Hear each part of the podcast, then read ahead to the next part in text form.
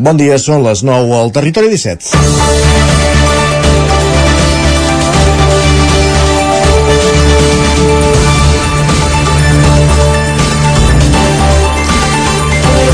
En èpoques de sequera hídrica, com la que estem patint aquest 2023, després de molts mesos amb molt poca pluja, comencen a emergir projectes que s'han anat treballant a foc lent quan no teníem aquesta preocupació. L'escalfament global ens portarà a períodes més sovintejats amb escassedat d'aigua i es treballa amb iniciatives com la regeneració de l'aigua. Avui tenim una molt bona notícia en aquest sentit i és que el Consorci Besòs Tordera, organisme que gestiona bona part de les plantes depuradores del Vallès Oriental, ha obtingut llum verda per subministrar l'aigua que regeneren la, a les depuradores per a usos urbans per tal de reaprofitar aigua en plena sequera. El sistema ja ha estat validat per, tant per l'ACA com pel Departament de Salut. El procés que segueix l'aigua des que arriba a la depuradora fins que pot tornar a sortir per ser reutilitzada consisteix en diversos filtratges, tractaments i tractaments químics. Des del Consorci creuen que el fet d'incorporar aigua regenerada per a aquests usos pot ajudar significativament a estalviar l'aigua, ja que han calculat que la demanda dels ajuntaments que han sol·licitat poder utilitzar-la necessiten 470 metres cúbics per dia i en cadascuna de les plantes se'n produeix molt més.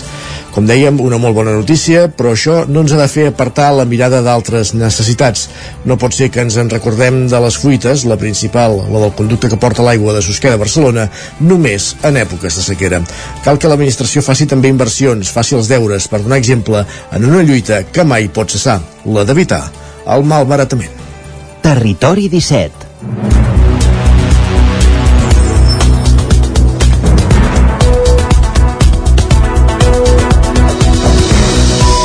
Dimarts 20 de juny de 2023, en el moment de començar el territori 17 a la sintonia d'Ona Codinenca, Ràdio Cardedeu, la veu de Sant Joan, Ràdio Vic, el 9 FM i també Twitch, YouTube, el 9 TV i la xarxa més, ja ho sabeu, aquests últims quatre canals a través dels quals també ens podeu veure. Avui, 20 de juny de 2023, la ràdio pública del país celebra els 40 anys i els felicitem també des d'aquí, des de l'antena del Territori 17. El Territori 17, el magazín de les comarques del Vallès Oriental, l'Osona, el Ripollès, el Moianès i el Lluçanès, que us fa companyia cada matí durant dues hores de la següent manera amb els continguts que avancem tot seguit al menú del, del matí, el menú del dia.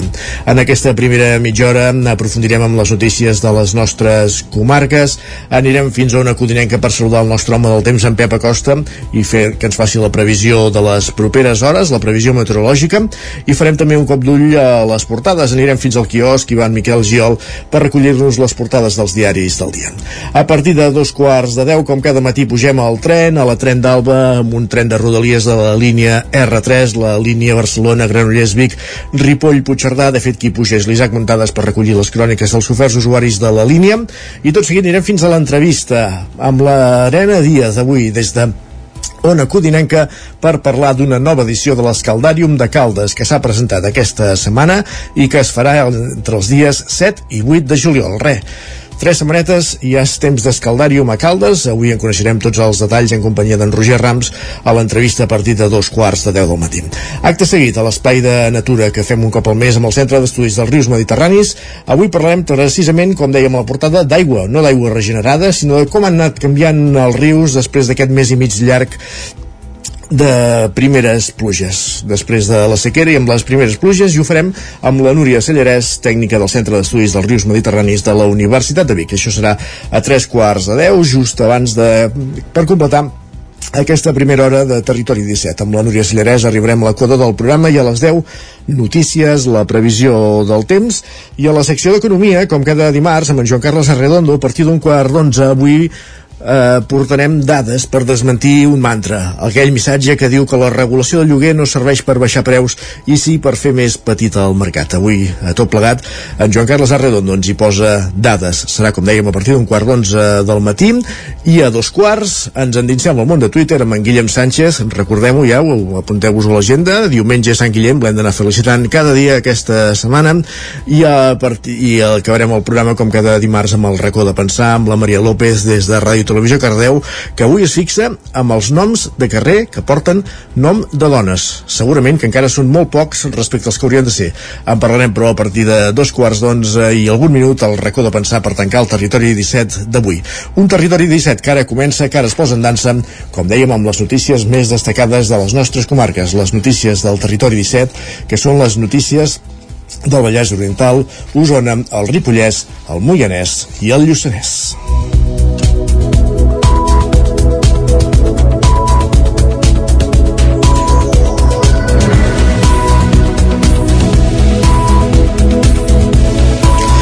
El Consorci Besòs Tordera, organisme que gestiona bona part de les plantes depuradores del Vallès Oriental, obté la llum verda per subministrar l'aigua que regeneren les seves plantes per a usos urbans, per tal de reprofitar aigua en plena sequera. Roger Ram, zona Codinenca.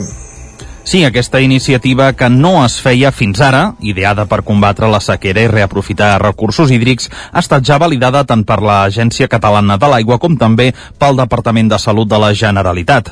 Guillermo Irondo, tècnic del Consorci Besòs Tordera a la zona de Caldes de Montbui, explica que tot plegat va sorgir dels propis ajuntaments que reclamaven poder fer ús d'aquesta aigua regenerada. Nosaltres a partir de març, quan es va aplicar tot el tema de les restriccions d'aigua degut a, a la sequera, vam començar a rebre sol·licituds d'ajuntaments, d'aviam si els hi podíem subministrar aigua, perquè, clar, van veure reduïda la seva capacitat d'ús d'aigua potable, sobretot per rec de jardins públics, neteja de carrers, neteja de col·lectors. Llavors, nosaltres, com a les nostres instal·lacions de depuració d'aigua, tenim petites instal·lacions que el que fem és agafar aigua depurada i fer-li un tractament eh, de desinfecció. El procés que segueix aquesta aigua des que arriba a la depuradora fins que en surt per tornar a ser reutilitzada consisteix en diversos filtratges, tractaments químics i en algun cas fins i tot aplicant llum ultravioleta. Irondo explica que malgrat les garanties sanitàries de l'aigua regenerada són molt elevades, el Reial Decret que n'autoritza i en regula l'ús només permet utilitzar-la per determinades activitats fins ara aquesta aigua la fèiem servir eh, per ús intern, per netejar sales, netejar equip. L'ús que vam demanar és ús urbà. Aquests usos eh, estan també establerts en el Real Decret eh, 1620 barra 2007, que és el que estableix el marc jurídic d'aigües regenerades. Un d'aquests usos és l'ús urbà, que inclou pues, això, rec de jardins públics, neteja de carrers, neteja de col·lectors, sistemes contra incendis... Llavors, aquest és l'ús que nosaltres vam demanar a l'ACA i, uh, i el Departament de Salut. Des del Consorci creuen que el fet d'incorporar aigua regenerada per a aquests usos pot ajudar significativament a estalviar aigua, ja que han calculat que la demanda dels ajuntaments que han sol·licitat poder fer-ne ús són 470 metres cúbics al dia i en cadascuna d'aquestes plantes se'n produeix molt més, fins a 5 cops. Els hidrants ja s'han instal·lat a les depuradores, entre elles, com dèiem, la de Caldes de Montbui, i es preveu que a finals d'aquest mes de juny els camions puguin començar a extreure'n aigua per començar a fer-la servir. Gràcies, Roger. Més qüestions d'informació informació de servei d'aquest mateix matí volca un camió al marge de l'eix transversal a Gurb a causa de l'accident al revolt on la via entronca amb la C-17 hi ha hagut dos ferits lleus, Miquel Giol. Un camió ha volcat aquest matí en un revolt de la C-25 a Gurb, al punt on la carretera connecta a la C-17. Els serveis d'emergència han rebut l'avís d'una sortida de via quan passaven dos minuts de les 7. Malgrat l'espectacularitat de les imatges, el Servei Català de Trànsit informa que consten únicament dos ferits lleus. Tot i això, un dels carrils de l'eix continua tallat en sentit Girona, la qual cosa genera prop d'un quilòmetre de retencions. El, camí el camió que ha volcat anava carregat de caixes. Pertany a la gallega Breogan, una empresa que compta amb una vuitantena de vehicles pesants i es dedica al transport tant frigorífic com de roba, per exemple. Més qüestions. Aquest dijous comença l'Audiència de Barcelona el judici contra l'exregidora de Manlleu, Carme Trilles, per les multes de trànsit que va retirar el juny de 2011, entre el juny de 2011 i el desembre de 2018, Miquel.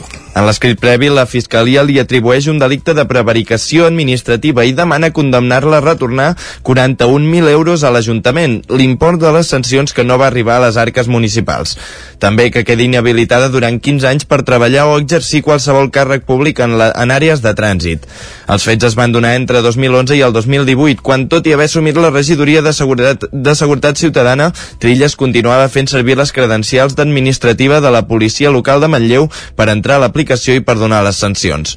El cas va esclatar en una comissió informativa de l'Ajuntament al març del 2019 i va comportar la seva renúncia al càrrec després que li exigeix l'alcalde Àlex Garrido del seu mateix partit. Tant en aquells moments, eh, tant en aquells moments com en l'actualitat, Trilles ha declinat respondre a preguntes dels mitjans de comunicació. L'exregidora forma part actualment de l'equip de promoció social i personal, salut pública, consum i igualtat. no vol respondre als mitjans de comunicació sobre aquest afer, ara donar lliçons a través de Twitter sí que ho fa sovint. Més qüestions, Oriol Lázaro és escollit nou alcalde i relleva Dolors Costa a Can de Bànol. Isaac Muntades, des de la veu de Sant Joan, és qui ens fa aquesta crònica encara avui, 50.000 hores després dels plens d'investidura sobre la constitució de l'Ajuntament de, de Can de Bànol.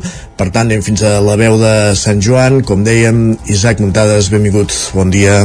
El tripartit format entre Sumem per Can de Bànol, la llista associada Junts, 100% Can de Bànol marca blanca del PSC i la CUP, governarà el municipi durant els pròxims 4 anys. Oriol Lázaro, de Sumem, va obtenir la vara d'alcalde després de rebre els 7 vots d'aquests partits en una votació amb alçada en què el candidat d'Esquerra Republicana, Toni Riera, en va aglutinar 4, ja que també va obtenir el suport dels dos regidors dels independents de gent de poble liderats per l'actual alcaldessa Dolors Costa, que deixava el càrrec després d'un únic mandat. Abans havia fet el jurament del càrrec en què el secretari es va dirigir una a una a tots els regidors. Alguns ho van prometre per imperatiu legal, altres per Can de Bànol i els republicans també ho van fer per la República Catalana. Després va constituir la mesa d'edat formada per la regidora més gran Marta Guitart de Sumem i el més jove Joan Carbonell del PSC, que es va dissoldre en el moment de l'elecció de Lázaro. El ple va reunir una cinquantena de persones a la petita sala de plens del consistori. En el primer discurs com a alcalde, Lázaro va agrair la feina a l'equip de govern anterior, al seu propi equip i als dos partits amb qui ha creat el nou govern municipal. També va dir que s'hi esforçarien per treballar pel poble. Per què no podem cometre res? Doncs perquè no tenim una vareta màgica i no es poden fer les coses de cop i volta, tot és meravellós. Ho sabem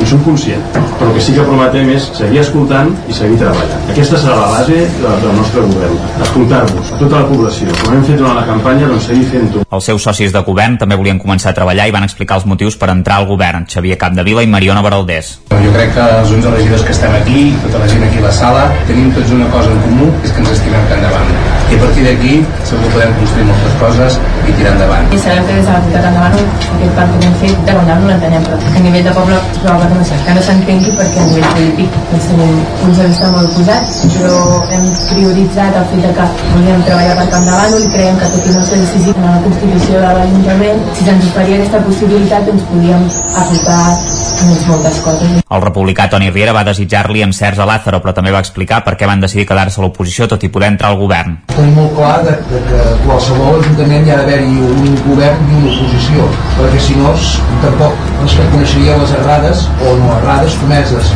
I aquí estem nosaltres, treballant fermament pel poble, evidentment, i per les persones. En canvi, la independent Dolors Costa va fer un discurs emotiu on va recordar els bons moments del mandat. I amb això em quedo, amb el bo que aquest mandat m'ha donat. Com he dit abans, moltes coses bones, aprenentatge, creixement i amistats.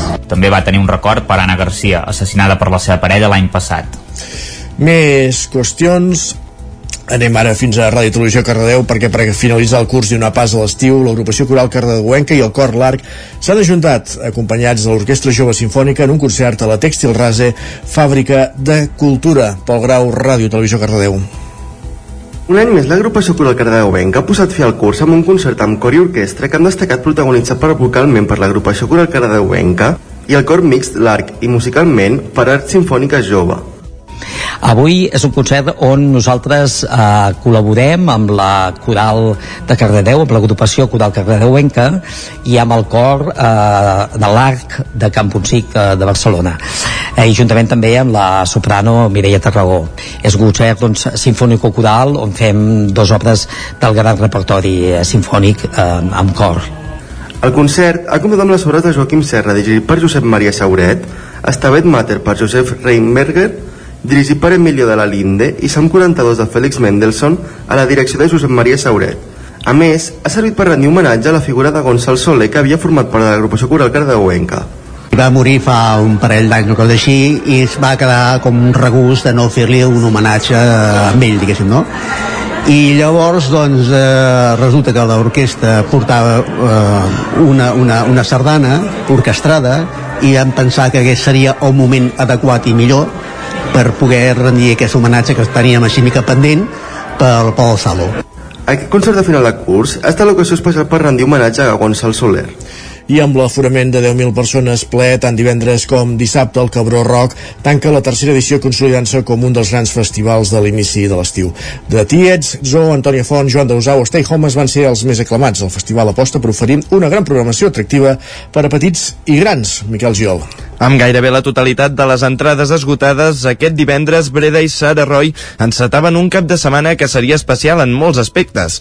El Cabró Rock va tenir lloc per a tothom, des de grans grups de l'esfera musical catalana, DJs o formacions emergents. Durant el cap de setmana, grups com Antònia Font, els Amics de les Arts, Stay Homes o Zoo va omplir el recinte de concerts de gom a gom, igual que un dels artistes del moment, de Tallets, que repetia per segon any consecutiu al festival després de l'estrena del seu nou disc, Epic Solete. Aquesta és la valoració que en feien. Bueno, és molt guai perquè l'any passat ens ho vam passar superbé. Tenim uns fotons d'aquest dia i, i tornar aquí i a més amb, després de tot aquest disc doncs és, és un plaer i crec que molarà molt. Eh, nosaltres estem molt, bueno, estem molt contents de, del disc en si de com el resultat que vam treure però no esperàvem una, allò, una recepció tan massiva i el boom tan gros que hi ha hagut amb, amb el disc i sobretot amb la cançó de, del Coti per Coti sí que veiem que era una cançó guai, que ens agradava que en el nostre ambient més familiar, amics i tal, funcionava bé però, però no, no veiem això tan gros que ha passat, no? I de cop s'ha disparat i, i, bueno, i ara té un disc d'or a poc a poc i després de l'èxit de la tercera edició ha quedat reflectit el progrés d'aquest festival que tot i començar en pandèmia i amb el públic assegut ja està posicionant-se dins les èlits de l'indústria i, i que enguany ha quedat consolidat com un dels festivals més importants de la Catalunya central. Ho explicava el director del festival Narcís Castellà. Estem treballant i considerem que dia d'avui eh, ja podem posar-nos a, a, a l'èlit de, dels festivals a nivell, a nivell català i això és una mica el que busquem, posar doncs, eh, el festival festival d'Osona també al, al mapa català i que no vingui només la gent d'aquí sinó que tot Catalunya es mobilitzi a, a Vic. Des de famílies fins a joves de totes les edats van assistir al recinte durant els dos dies de concerts per gaudir de la música i el ritme i per tancar l'edició d'enguany, el diumenge el Pot Petit va pujar a l'escenari per fer per segona vegada el Cabró Kids pels més petits de casa. I un apunt esportiu, i és que Sant Hipòlit de Voltregà ha acollit amb èxit aquest cap de setmana una nova edició de la Golden Cat d'hoquei patins. Era la segona edició d'aquest torneig internacional. Portugal n'ha estat la campiona i Catalunya subcampiona, Miquel. La selecció catalana catalana no va poder revalidar el títol de la Golden Cat d'hoquei patins que va assolir l'any passat en l'estrena de la competició. La segona edició del torneig se la va adjudicar Portugal, que es va proclamar vencedor per 1 a 3 amb un gol de Raquel Santos i dos de Maria Silva. Per la seva banda, l'ex-voltreganesa Berta Terrida va anotar l'únic gol de l'equip català en una segona part més disputada. La Golden Cat continuarà d'aquí 15 dies quan es disputarà la competició masculina. Serà novament al pavelló Oliveres de la Riba, que ja ha gaudit de bon hoquei en la versió femenina. I qui no va participar a la Golden Cup és la protagonista de la següent notícia amb la que tanquem aquest bloc informatiu la, la ja exjugadora del Club Patí Manlleu Anna Casaramona, tot una llegenda de l'hoquei patins fitxa ara per l'hoquei Club Palau. Miquel el Club Vallèsau ha fet públic aquest dilluns al matí a través d'una fotografia a les xarxes socials. El Club Vallèsà ja s'apuntava com un nou destí de Casa Ramona des del que la setmana passada va anunciar que deixava el, Martí, el Martinelli a Manlleu. Formada des de petit al Club Groc i Vermell, aquesta última etapa al Manlleu de Casa Ramona ha durat 5 anys i la jugadora, que ha estat baixa l'última temporada a causa d'una operació d'esquena, ha contribuït a assolir una Hockey Lliga i dues Copes de la Reina per al conjunt de Jordi Boada. Sempre han estat sempre ha estat en grans equips, l'Anna Ramona, el primer al Voltregà, va tornar al Manlleu, després al Gijón, torna al Manlleu i ara al Palau de Plegamans, sens dubte un dels referents ara mateix de l'hoquei patins català i europeu. Acabem aquí aquest repàs informatiu que començàvem al punt de les 9 en companyia de Miquel Giol, Isaac Muntades, Roger Rams i Pol Grau. És moment al territori 17 de saludar també el nostre home del temps, en Pep Acosta. Per tant, sense més, anem fins a una codinenca.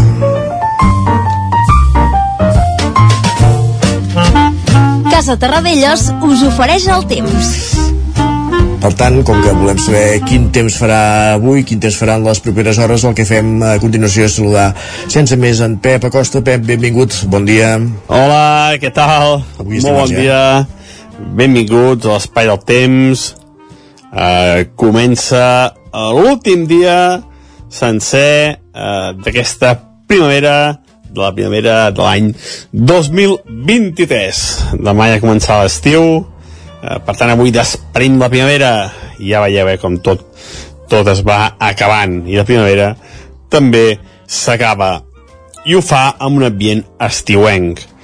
Um, tot i això, tenim eh, forces núvols, eh, aquesta mala visibilitat, aquesta pols en suspensió, eh, fruit d'aquesta fruit d'aquest mm, uh, fruit d'aquest uh, vent del sud que ens aporta aquesta pols en suspensió que ja va ser protagonista i que avui també és protagonista aquesta mala visibilitat, aquesta calitja, aquesta sensació um, um, pesant, eh? és una com una sensació pesant d'humitat, de, d'això de, de, de calitja, eh? de, de mala um, de mala visibilitat és la, serà la protagonista el dia d'avui de cara a la tarda eh, poden créixer algunes nuvolades sota cap a zona del Pirineu però en principi no deixaran precipitació. Si és que en deixen seran molt febles a les nostres comarques.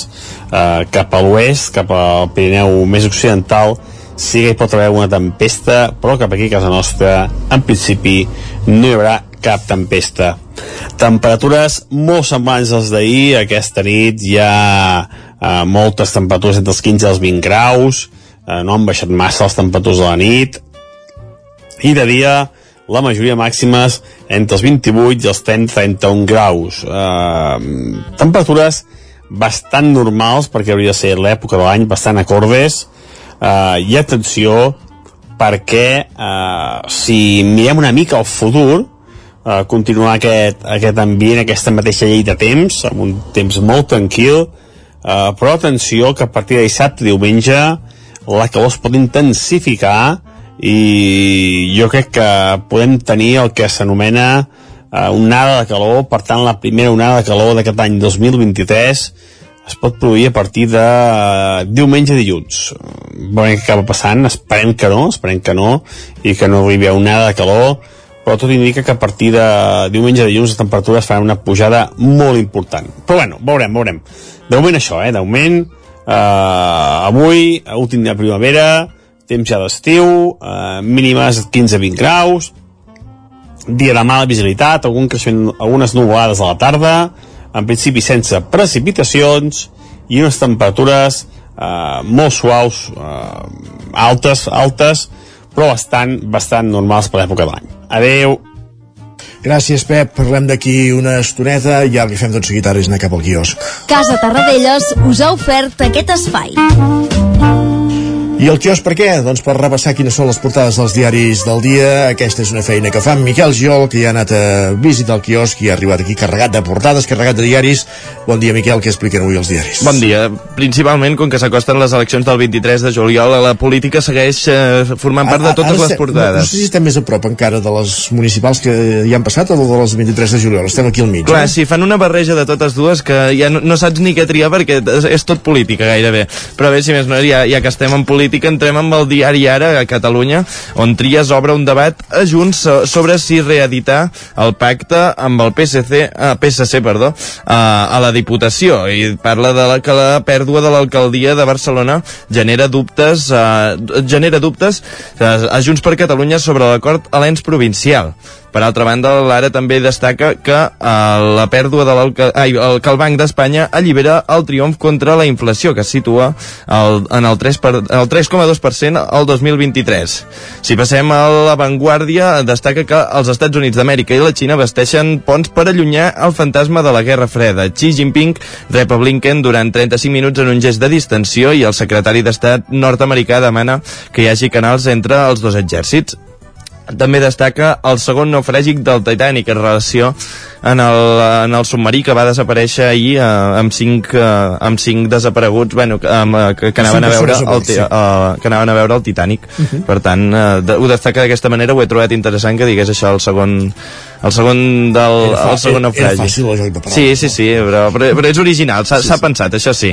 Per altra banda passem al punt avui que destaca fàrmacs en crisi. A Europa falten medicaments per tractar càncers, infarts o infeccions i a l'estat espanyol n'escassegen uns 700 però a Itàlia arriben a 3.000 també destaca que Lufthansa farà un centre tecnològic a Barcelona que serà el hub digital de la companyia al sud d'Europa i generat 300 llocs de treball Passant al periòdico, destaca que el cultiu de marihuana creix al bosc català i les plantacions exteriors de cannabis ja suposen el 15% de les desmantellades pels Mossos. També diu que la caiguda de la natalitat a Espanya destaca vaca, deixa, vacants, eh, deixa vacants a milers de places de P3, per tant, eh, fa, falta gent a P3. Ja passant al, al, als diaris espanyols, a les portades dels diaris del país, eh, passem precisament al del país, que destaca que la reforma elèctrica de la Unió Europea encalla per l'aposta nuclear de París. També que el PP s'enreda als pactes amb Vox després de l'impacte de València, on els populars donen als ultres la presidència del Parlament de les Balears. Passem a l'ABC, destaca que Bildu presumeix del seu poder i Feijó promet revertir la seva empenta en les lleis aprovades amb Sánchez. Otegui ja controla més del 14% dels ajuntaments navarresos i el 42% dels bascos, 21 consistoris més que fa 4 anys. També diu que sumar també esborra la guàrdia pretoriana d'Iglesias de, de després al, al Congrés i fitxa per perfils crítics amb la direcció de Podem, perquè eh, diu que la Yolanda Díaz eh, ha culminat la purga del partit eh, de, que, que la va tirar eh, amunt. Per tant, eh, destaca això l'ABC. Si passem a la raó, de, destaca que el Banc d'Espanya avisa d'un altre enlairament dels preus i que ve, veu senyals de desacceleració. Dubta dels, bueno, dels optimistes, de les optimistes previsions del govern per baixar el dèficit i el deute. I també que Sánchez busca restaurar la seva credibilitat i renega ara de Bildu i minimitza la seva relació amb els, eh, amb els abertzals i corregeix... Abertzales. A Barçales, vale. I corregeix a Irene Montero. Ja passant amb el Mundo, l'últim dels diaris d'avui, eh, destaca que el mercat laboral oblida els filòsofs i historiadors i llicenciats en literatura, oblida els, els filòsofs historiadors i llicenciats en literatura, així com la revolució universitària, que el 60% dels adults de 25 a 64 anys tornarà a trepitjar les aules. Perfecte, Miquel, repassem ràpidament els digitals a l'edició d'Osona i el Ripollès del 99.cat. Pacifica, Pacification uh, obrirà el Manlleu Film Festival amb una classe del premiat Artur Tort. I també hi ha informació sobre aquest accident que comentàvem d'aquest matí a l'eix transversal on un camió ha volcat el revolt de l'eix transversal en direcció a Girona just al punt on entronca posteriorment amb la C-17. Pausa i tornem d'aquí 3 minuts fins ara mateix. El nou FM, la ràdio de casa, al 92.8. Per moure't, lloga un cotxe ALR. Per moure la família, lloga un minibús ALR. Per moure coses, lloga una furgoneta ALR. Per moure la casa, lloga un camió ALR. Lloguer de cotxes, furgonetes i camions ALR. Ens trobaràs al carrer Francesc Sant Climent 83 de Vic i també a Olot i Manresa. Informa't en el 93 888 60 57 o bé consulta el web alr.cat. Quan tingui un problema amb la seva caldera, vagi directament a la solució. Truqui sempre al servei tècnic oficial de Saunier Duval i despreocupis, perquè som fabricants i coneixem les nostres calderes peça a peça. I ara aconseguiu fins a 250 euros en canviar la caldera. Informeu-vos al 910 77 10 50 o a saunierduval.es. Davant l'escassetat hídrica, fem un consum responsable de l'aigua, perquè cada gota que estalviem serà una gota més per al planeta. No et quedis sec. Tanca l'aixeta. Akbar amb tu.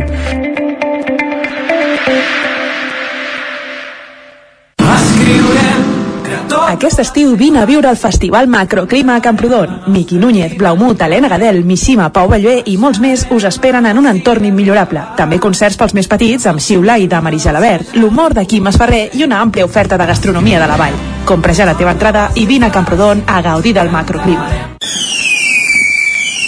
Ja tenim aquí la rebella de Sant Joan. Prepara't! A Manli seleccionem el millor en pirotècnia, bateries, bengales, trons, coets, els millors preus, ofertes tots els dies de rebella i tot l'any. Visiteu el catàleg a manli.cat. Manli, al carrer Ramon Soler, telèfon 93 889 0484. Vic, Sant Joan, ja és aquí. Ok, la universitat és esforç. Dormir poc, superar reptes. Però a la UBIC també és aprendre en les millors instal·lacions, traspassar els teus límits i volar ben lluny. Estàs a punt per començar la millor època de la teva vida? Escriu-nos i parlem del teu futur. ubic.cat barra cadem. Rètols 2 Art. Experts en comunicació visual, rètols, banderoles, vinils, impressió, plaques gravades, pancartes, senyalització, displays... Rètols 2 Art. Més de 30 anys al vostre servei. Ens trobareu a la carretera de Vic a Olot número 7, al polígon Les Casasses de Vic, dosartvic.com, telèfon 93 889 2588. Anuncia't al 9FM. La màquina de casa. 9 3 8 8 9 4 9 4 9. Publicitat arroba al 9FM.cat. Anuncia't al 9FM. La publicitat més eficaç.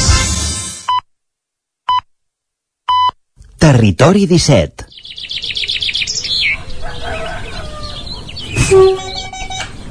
A Tren d'Alba. Cada dia els usuaris i usuàries de la línia R3 de Rodalies que veuen sortir el sol des d'un vagó ens expliquen les gràcies i les penes del primer comboi que uneix Ripoll i Barcelona o les feixugues jornades amb el tren després de treballar. Benvinguts a Tren d'Alba. Doncs escoltem en Jordi Valls, que sembla que ha tornat a tenir un dia complicat a l'R3, per variar. Ja el podem escoltar. Bon dia, sóc en Jordi de Centelles. Avui, 14 minuts tard. Crec que hem estrenat un nou servei ferroviari, els trens de baixa velocitat. Bé, estem parlant de Renfe, Adif, eh, Rodalies ja sabem que és Astoria, trenes de baja velocidad, que hablamos el idioma de los trenes. Sí, hosti tu, que ha costat avui. A vegades hi ha limitacions de velocitat, a vegades passa alguna cosa, però quan veus que el maquinista, dic el perquè l'hem vist, tanca les portes amb aquella parsimònia, el para el tren fins que no dona portes que sents el soroll de que s'obre lo de baix perquè pugui baixar la gent, triga una eternitat i anem a pas de tortuga, és que l'han fitxat per als trens de, trenes de baja velocitat. Ostres, ha estat com un turment, no arribàvem mai, tots els encreuaments malament. Cony, érem nosaltres que anàvem tard i l'anàvem liant. De veritat, eh? Aquest maquinista no el fitxa pel metro de Barcelona, per exemple, que han de ser rapiditos i àgiles. I mira que allà puja i baixa gent. Oh, senyor, vaig a fer un cafè o una tila o no sé què. Vinga, ànims, que és dimarts encara. Vinga, adeu-siau. Uf, els trens de baixa velocitat. Quina creu, van més lents que una tortuga coixa. I si a sobre la lentitud es deu més a la mala conducció del maquinista, doncs ja podem cremar-ho tot i marxar. Quina autèntica creu tot plegat. Sort que en els metros, com diu en Jordi, els maquinistes han de ser més àgils, perquè si no la congestió a Barcelona seria espectacular. Va, ens retrobem demà amb més històries del tren i de l'R3.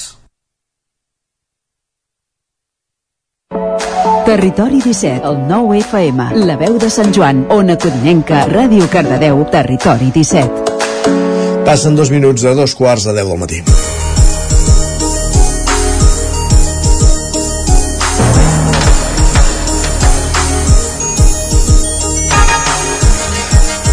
Avui entrevistarem cap a una codinenca don, des d'on parlarem de foc, fum i aigua. I és que aquest dilluns s'ha presentat el cartell oficial de l'Escaldàrium de Caldes de Montbui que se celebrarà el cap de setmana del 7 i 8 de juliol, que de fet el que celebrarà és la seva 29a edició que aviat és dit. Per parlar d'aquesta singular festa, en Roger Rams està acompanyat de l'Arènia Díaz, coordinadora de l'Escaldàrium. Saludem primer en Roger Rams, benvingut, bon dia. Bon dia, què tal? Doncs eh, sí, Isaac, com bé apuntaves, eh, aquest dilluns, de fet ahir a la tarda es va presentar en roda de premsa tant el que serà el cartell de l'Escaldàrium d'enguany com també totes les novetats, que de fet en són unes quantes que anirem desgranant a continuació. Per parlar de tot plegat, com deia, saludem a l'Arènia Díaz, coordinadora de l'Escaldàrium de Caldes. Bon dia, Arènia. Hola, bon dia. Uh, primer de tot, per qui no ho conegui, tot i que aquestes alçades de la pel·lícula ja deu quedar poca gent que no sàpiga què és l'Escaldàrium, explica'ns una miqueta aquesta festa que diríem que és la més singular de Caldes. Doncs tot va començar uh, amb una colla de diables que tenia ganes de, de fer gresca i es van inventar una història mitològica una mica per uh, tenir l'excusa de per què tenim aigua termal a Caldes. L'Escaldàrium representa una lluita entre el cel i l'infern el foc i l'aigua, amb música en directe, que en Ramon Soler va composar música només per aquesta festa. Llavors ens trobem una festa singular en el que barregem elements de foc, que són pa, bueno, la, la colla de Vall de Diables, amb elements d'aigua, que són els bombers que ruixen a tothom, i la música en directe de la festa, amb un narrador que va explicant tota la història de la lluita aquesta entre el bé i el mal, el cel i l'infern, el foc i l'aigua. Aquest és l'origen, aquest és a grans trets el resum del que és l'Escaldàrium. Quines són les principals novetats d'aquesta 29a edició, Arènia? Doncs mira, la principal que hem volgut destacar ha sigut el tema de l'aigua, ja que fins ara tiràvem de bomba i com que estem amb tot aquest tema de, sequi de sequera, no podíem eh, quedar-nos a part i ignorar-ho. Llavors el que farem aquest any com a novetat és utilitzar directament aigua termal. Nosaltres tenim aquí una font que brolla a 74 graus i durant tot el dia va brollant.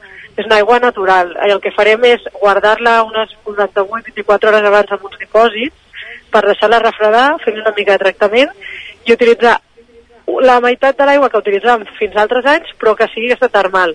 El bo és que aquesta aigua tornarà a caure a la plaça, que és com quan fa el cicle normal i acaba un altre cop a, en, en el cap d'uns anys a, a brollar per la font. Mm -hmm. Això seria, pel que fa a l'aigua, una de les principals novetats. De fet, ho comentàvem aquí al Territori 17 la setmana passada. També n'hi ha d'altres, eh, entre elles, per exemple, la incorporació del llenguatge de signes a, a la vostra festa. Explica'ns una mica això, Arènia. Exacte. Uh, volíem apostar per fer la festa una mica més accessible, val?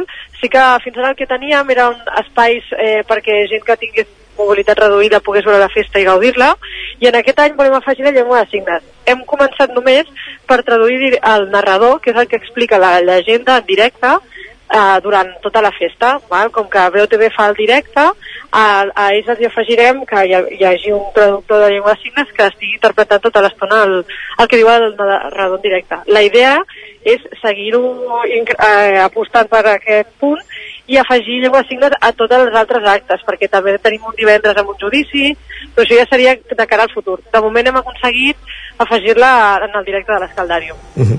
Ara ho comentaves, a part del que és el pròpiament l'Escaldàrium, hi ha altres activitats i altres festes paral·leles, com parlaríem de, del Templàrium i del judici. En què consisteixen cadascuna?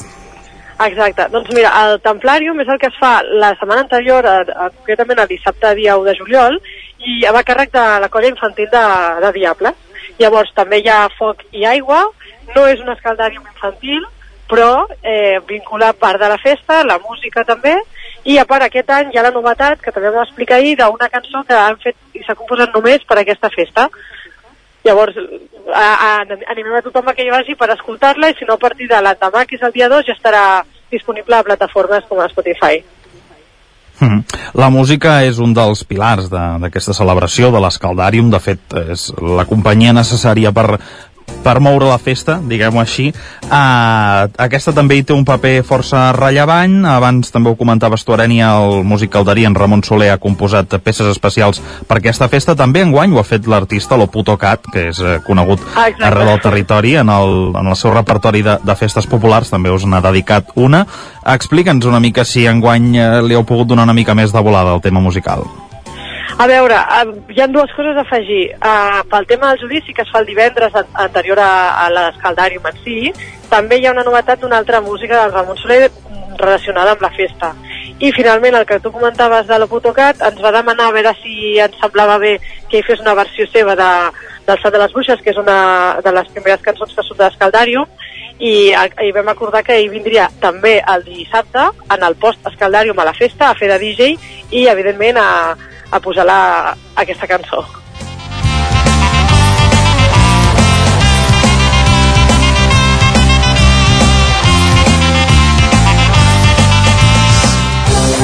aquest salt de les bruixes que estem que escoltàvem de fons en l'adaptació la, original d'en de, Ramon Soler la festa de l'Escaldàrium té lloc a la plaça de la Font del Lleó també heu preparat alguns efectes d'imatge per projectar eh, què, què s'hi veuran, què hi veuran eh, els assistents?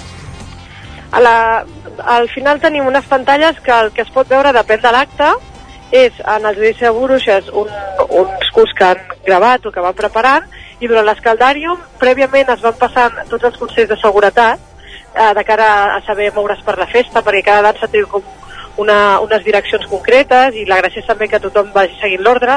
També seguretat més enllà de que no entrin ampolles de vidre entre d'altres i finalment llavors ja es fa directe al directe. Hi ha gent que potser no prefereix estar directament a la plaça, llavors fem un directe que es pugui veure des del Parc de Can Rius, assegut tranquil, sense tota la bogeria que, que mou la festa. Uh -huh. Això anava a preguntar ara, perquè clar, una festa amb, amb 29 anys de, a l'esquena com aquesta i que cada any doncs, va agafant més volada també porta més gent i també s'han d'anar prenent mesures, no? perquè evidentment a la plaça no, no tothom hi, hi cap i el fet aquest que es faci la retransmissió en directe, com deies abans, a través de BOTV també permet doncs, això, que, que es pugui veure des d'altres punts de, de la mateixa localitat. Exacte, no tothom gaudeix eh, tant estant sota el foc o tan a prop de, de l'acte en si, però sí que els agrada veure-ho, llavors és una altra manera de- d'apropar la festa a tothom, doncs des d'una distància, si, si el que no volen és estar sota l'aigua. També tenim, cada vegada afegim seguretat, hem afegit un, un passadís també per un tema de, de protecció, per si hi hagués alguna història, eh, no, no tenir cap, cap ensurt i tothom, que tothom pugui gaudir de la festa. Uh -huh. Una festa com aquesta que que ha anat sortint això, com deies, l'origen és una colla de, de diables i a partir d'aquí doncs, ha- s'ha anat confeccionant aquesta història, portant-hi eh, música pròpia, eh, cultura popular al cap i a la fi eh, s'ha buscat o s'ha treballat a alguna hora el tema de la, de la catalogació de la festa per anar-la preservant, diguéssim, allò de declaració de festa cultural d'interès nacional, etc etc etc. Es, treballa en aquesta línia? Sí, hem, hem creat una comissió de totes les entitats que ara formem part de, diguéssim, de la comissió Escaldàrium, que és com la, un òrgan que és una mica organitzatiu, no? Llavors tenim eh, un representant de cada entitat, eh, com seria el Ball de Diables, Bombers, Forca, que són la, els qui fan el judici, dins de Diables també hi ha la part del Templàrium, i tenim els músics i l'Ajuntament, que també és una altra part important. Llavors, entre tots anem treballant perquè la festa creixi, es mantingui i, eh, i bueno, per cuidar-la. Sí que per un cantó es treballa tot el que tu comentaves, eh, cada vegada té més força, també a nivell de demanar també subvencions. Per altra, nosaltres també hem començat a crear un arxiu històric de la festa i evidentment l'any que ve, que ja fem els 30 anys, esperem poder presentar moltes més sorpreses o fer una bona, una bona celebració. Uh -huh. Ara citaves totes les entitats implicades, quanta gent mou l'Escaldàrium? Doncs sí, més de 150 persones estem ficades a la festa, entre, entre uns i altres. Inclús afegim la, la part cultural del poble, tot el que serien castellers, geganters, bastoners, sardanes, totes aquestes entitats també les, eh, sempre les volem acollir a participar i les prioritzem molt. I també ells i elles actuen durant el programa eh, fent les seves danses però relacionades amb l'escaldàrium durant aquell cap de setmana. O sigui que aquí tot el poble està molt viu i tothom participa com pot eh, de la festa. Uh -huh.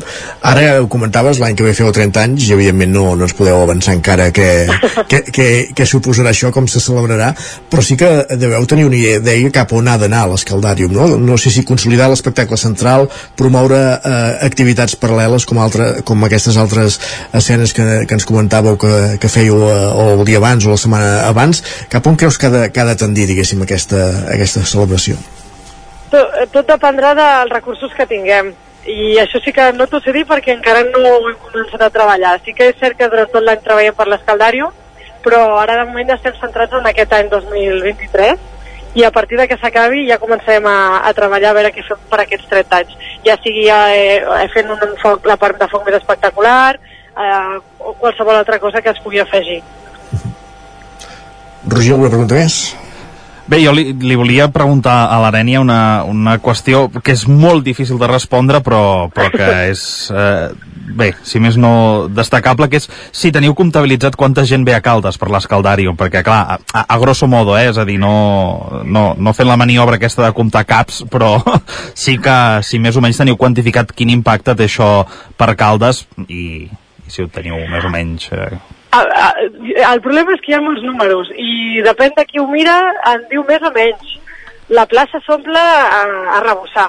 Llavors, hi ha hagut vegades que s'ha dit hi havia més de 6.000 persones, hi ha hagut a vegades per temes de seguretat que nosaltres sempre hem dit que n'hi ha menys, per si de cas.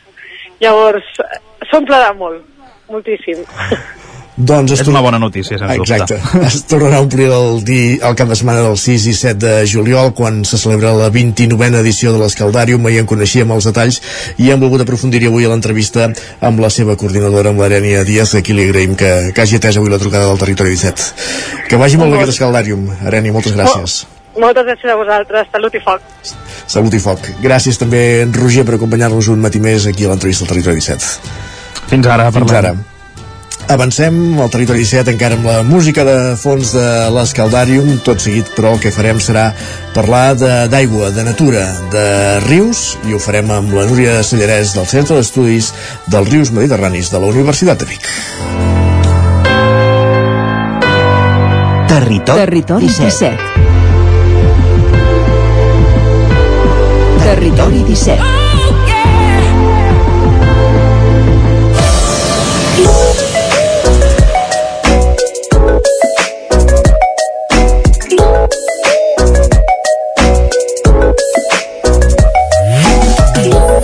Mig minut perquè siguin tres quarts de 10 del matí, com fem un cop al mes, ens acompanyen des del Centre d'Estudis dels Rius Mediterranis en aquesta secció que una setmana dediquem a l'energia, l'altra al medi ambient, l'altra a la natura i l'altra a la meteorologia. Avui ens quedem amb aquest apartat de medi ambient i natura, parlem d'aigua, com dèiem, amb la Núria Sallarès del Centre d'Estudis dels Rius Mediterranis, perquè, sí, ho hem anat comentant al llarg de les darreres setmanes, ha tornat aquella pluja que durant tants mesos hem estat esperant hem vist com començava a canviar la fesomia de rius sobretot, també d'alguns boscos eh, i volem saber quins efectes ha anat tenint doncs, totes aquestes pluges sobre tot el sistema de, dels rius.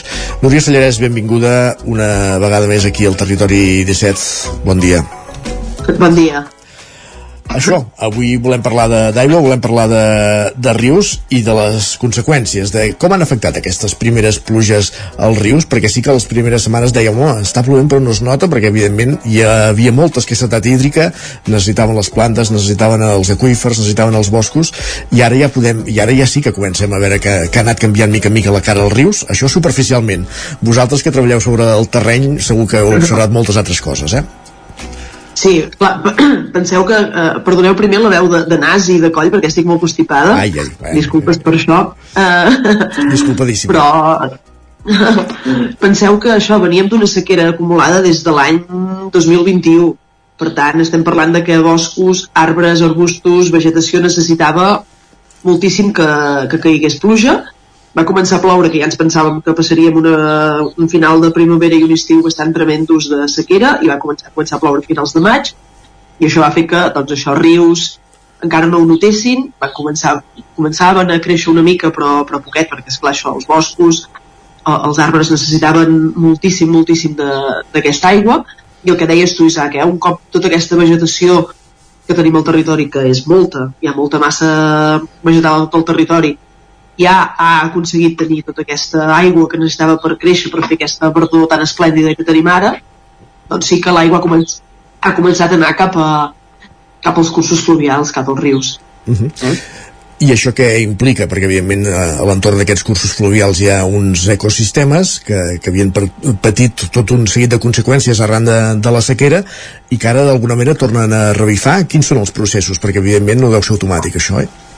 Clar, torno a revifar. La, la veritat és que, i us soc molt sincera, no, no, no ho sabem perquè a molts rius encara no podem entrar perquè porten moltíssima aigua i no ens hi podem ficar dintre per la nostra seguretat. Evidentment. Sí, som biòlegs, ambientòlegs, però tampoc tenim ganes d'anar a parar alt. Però no temeraris, per entendre'ns. Exacte, estudiant els rius. Per tant, per exemple, el Ter no, no ens hi hem pogut ficar encara perquè porta moltíssima aigua, però sí que el que sol passar en aquests processos és tu tens una, una secada bastant bèstia, l'ecosistema pateix, tot i que estem parlant aquí, la, aquí a Catalunya sobretot de rius mediterranis força adaptats a la sequera, sobretot més cap a la costa, que a l'interior potser no, no hi estaven tan acostumats.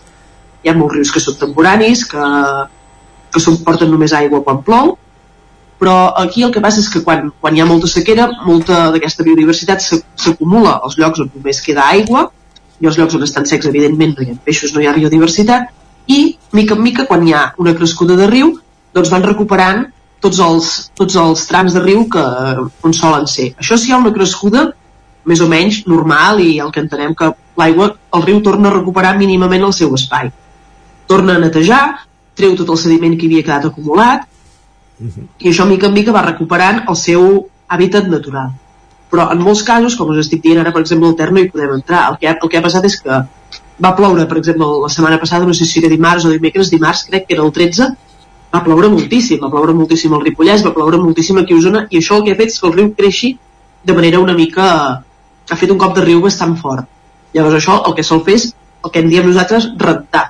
Renta eh, tot el substrat, es barreja amb els sediments, per això l'aigua baixa de color marró, perquè es barreja amb la sorra i el riu baixa de color marró, però també pot passar que renti la biodiversitat, aquests invertebratets que nosaltres sempre us expliquem que viuen dintre l'aigua, viuen sota les pedres, viuen al mig de les arrels, també n'hi ha que viuen a la, flotant a l'aigua.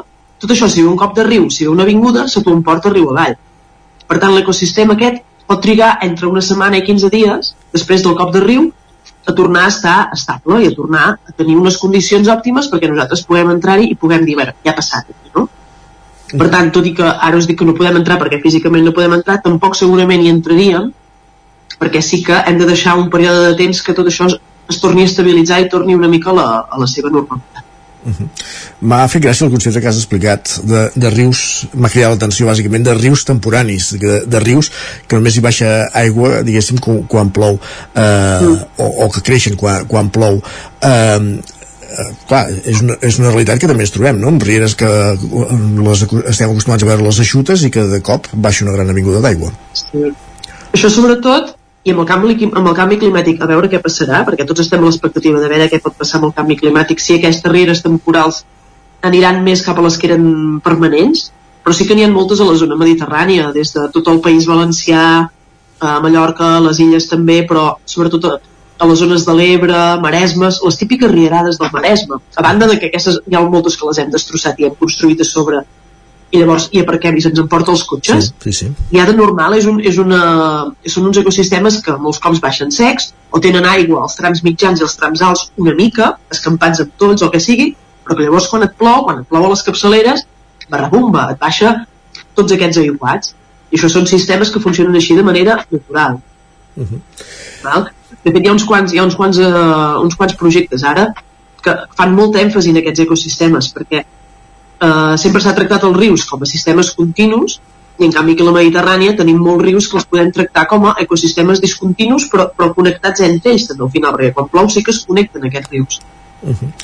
Escolta'm, i els peixos com, com ho viuen tot això? Perquè clar, si, si veiem un riu que està a un determinat nivell, que hi ha abundància de peix, però clar, anem veient com es va secant, com va baixant, eh, entenc que la cabana de peixos o es desplaça o es redueix d'alguna manera i ara, i ara torna a fer l'efecte contrari, eh, torna a créixer la cabana. Com, com, com es regula, diguéssim, tot aquest sistema subaquàtic? Uh, uh, en, molts, en molts casos el que fan és, quan hi ha un cop de riu, sobretot s'amaguen a sota les pedres, s'amaguen al mig de les arrels, ells tenen racons, refugis on ja saben, saben on s'han d'amagar perquè el cop de riu no se'ls emporti riu avall. Tot i així, molts cops n'hi ha, eh? hi ha deriva eh? de, de peixos i el que sí que veiem quan en, alguns casos nosaltres fem estudis de, de connectors biològics, de rampes per peixos, de... el que sí que veiem és que just després d'un cop de riu, aquests sistemes, les rampes, eh, la, eh, ja, si ho diré cantant, dispositius que serveixen per, per sobrepassar rescloses, sí. molts cops els, quan els estem estudiant hi ha un cop de riu, sí que al cap de dos, tres, quatre dies d'aquest cop de riu veiem que hi ha molts peixos que volen tornar riu amunt. Per tant, sí que segurament que quan hi ha una avinguda, molts es desplacen riu avall i després han de tornar a recuperar el lloc on vivien. Però també això, eh? molts el que fan és amagar-se sota les pedres, amagar-se sota les arrels dels arbres i allà queden protegits. Uh -huh. Això quan hi ha un cop de riu. Quan hi ha sequera, en aquests ambients on això, que de cop queden desconnectats, que et queden secs, que va baixant el nivell, a molts, a molts uh, riuets d'aquests hi ha gorgues. Doncs la majoria d'aquests peixos ja saben o ja tenen la intuïció de que han d'anar a algun lloc i se'n van amb aquestes gorgues i són com uns, com uns pols de, de biodiversitat allà dintre. Mm. Estudis que hem fet doncs veiem que la densitat de peixos en aquestes gorgues quan és l'estiu o quan és èpoques de sequera és molt més alta que quan el riu està connectat. Per què? Perquè ells se'n van allà i allà saben que tenen un refugi. Sí que n'hi ha alguns que poden brincar eh, pel camí perquè, és clar, eh, no tots acaben arribant a, a, a bon port, però la majoria troben aquests petits refugis que els serveixen doncs, per després quan el riu torna a connectar-se, tornar a recuperar el seu ecosistema. Perquè el, el que no hem vist aquesta vegada en aquesta secada, o si més no, no, no ha aparegut, eh, no, hem, no hem vist fotografies, és allò de, de quan, quan queda un riu sec, falta oxigen i, i apareixen peixos morts. Això no s'ha donat, suposo que és perquè han, han, han seguit aquests, aquests cursos naturals que, que comentaves, oi?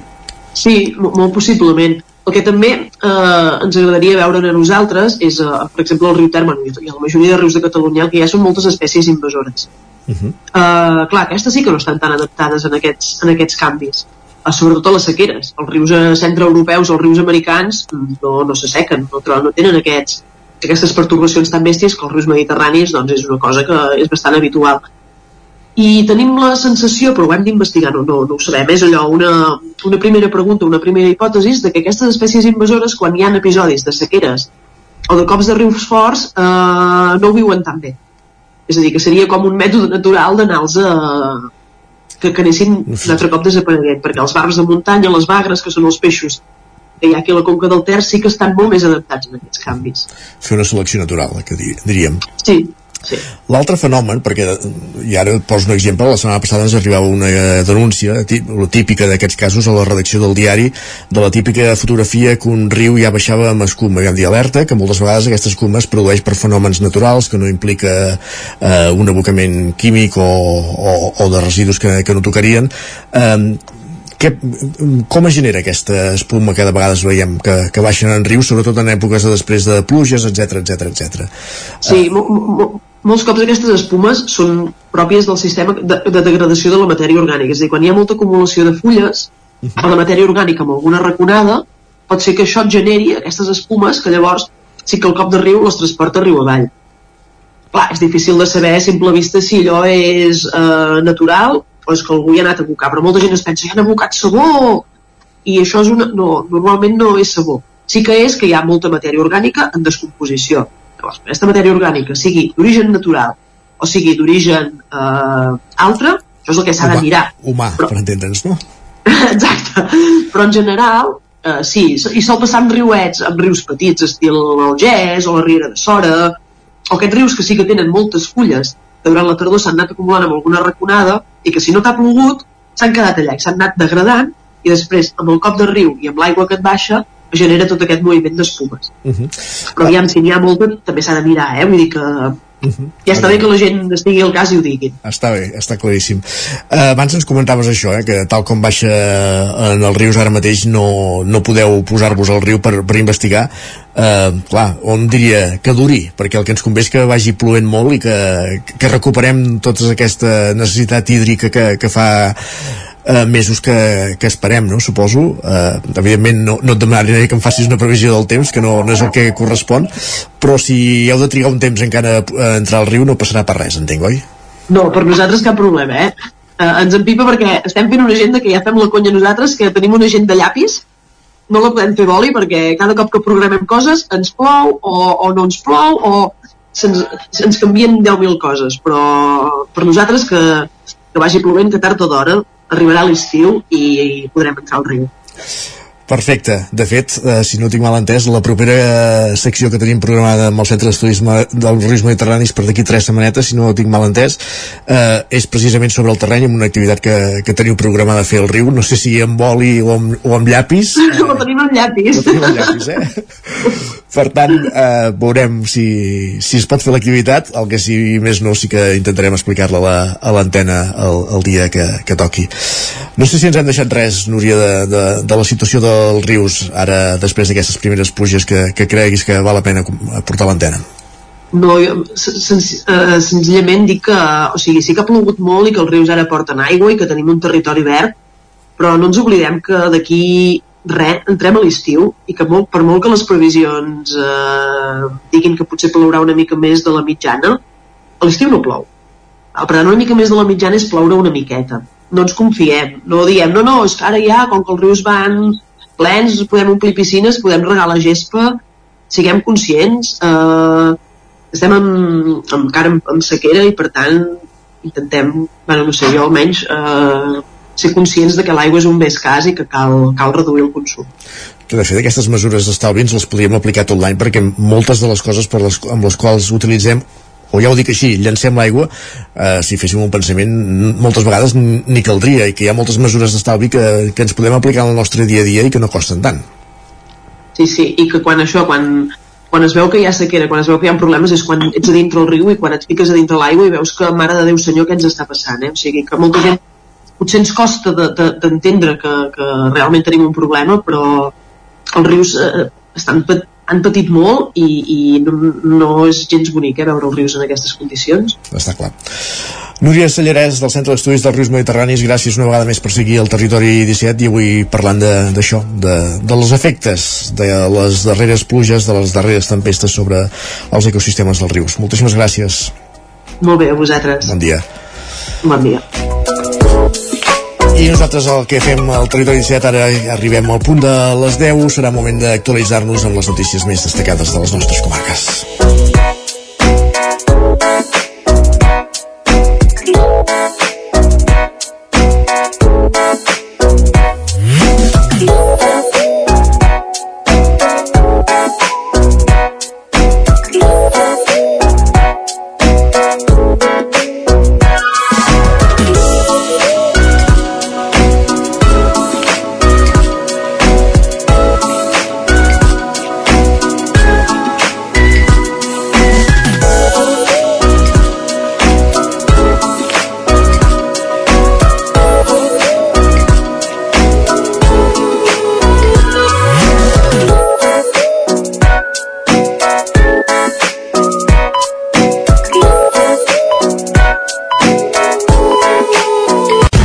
Dèiem, és moment al territori 17 d'actualitzar-nos, de posar-nos al dia amb les notícies més destacades de les nostres comarques, el Vallès Oriental, l'Osona, el Ripollès, el Moianès i el Lluçanès.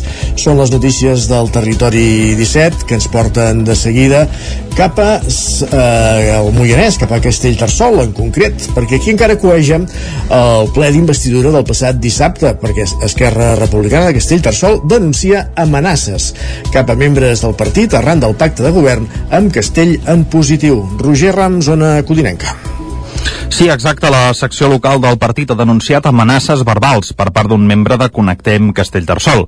Els fets es van produir dissabte, un cop celebrat ja el ple de Constitució de l'Ajuntament, on el pacte deixava sense alcaldia a la, a la formació vinculada a Junts. Ferran Jordà, regidor d'Esquerra a Castellterçol, apuntava que no tot s'hi val en política i que els partits s'han de fer responsables dels actes individuals.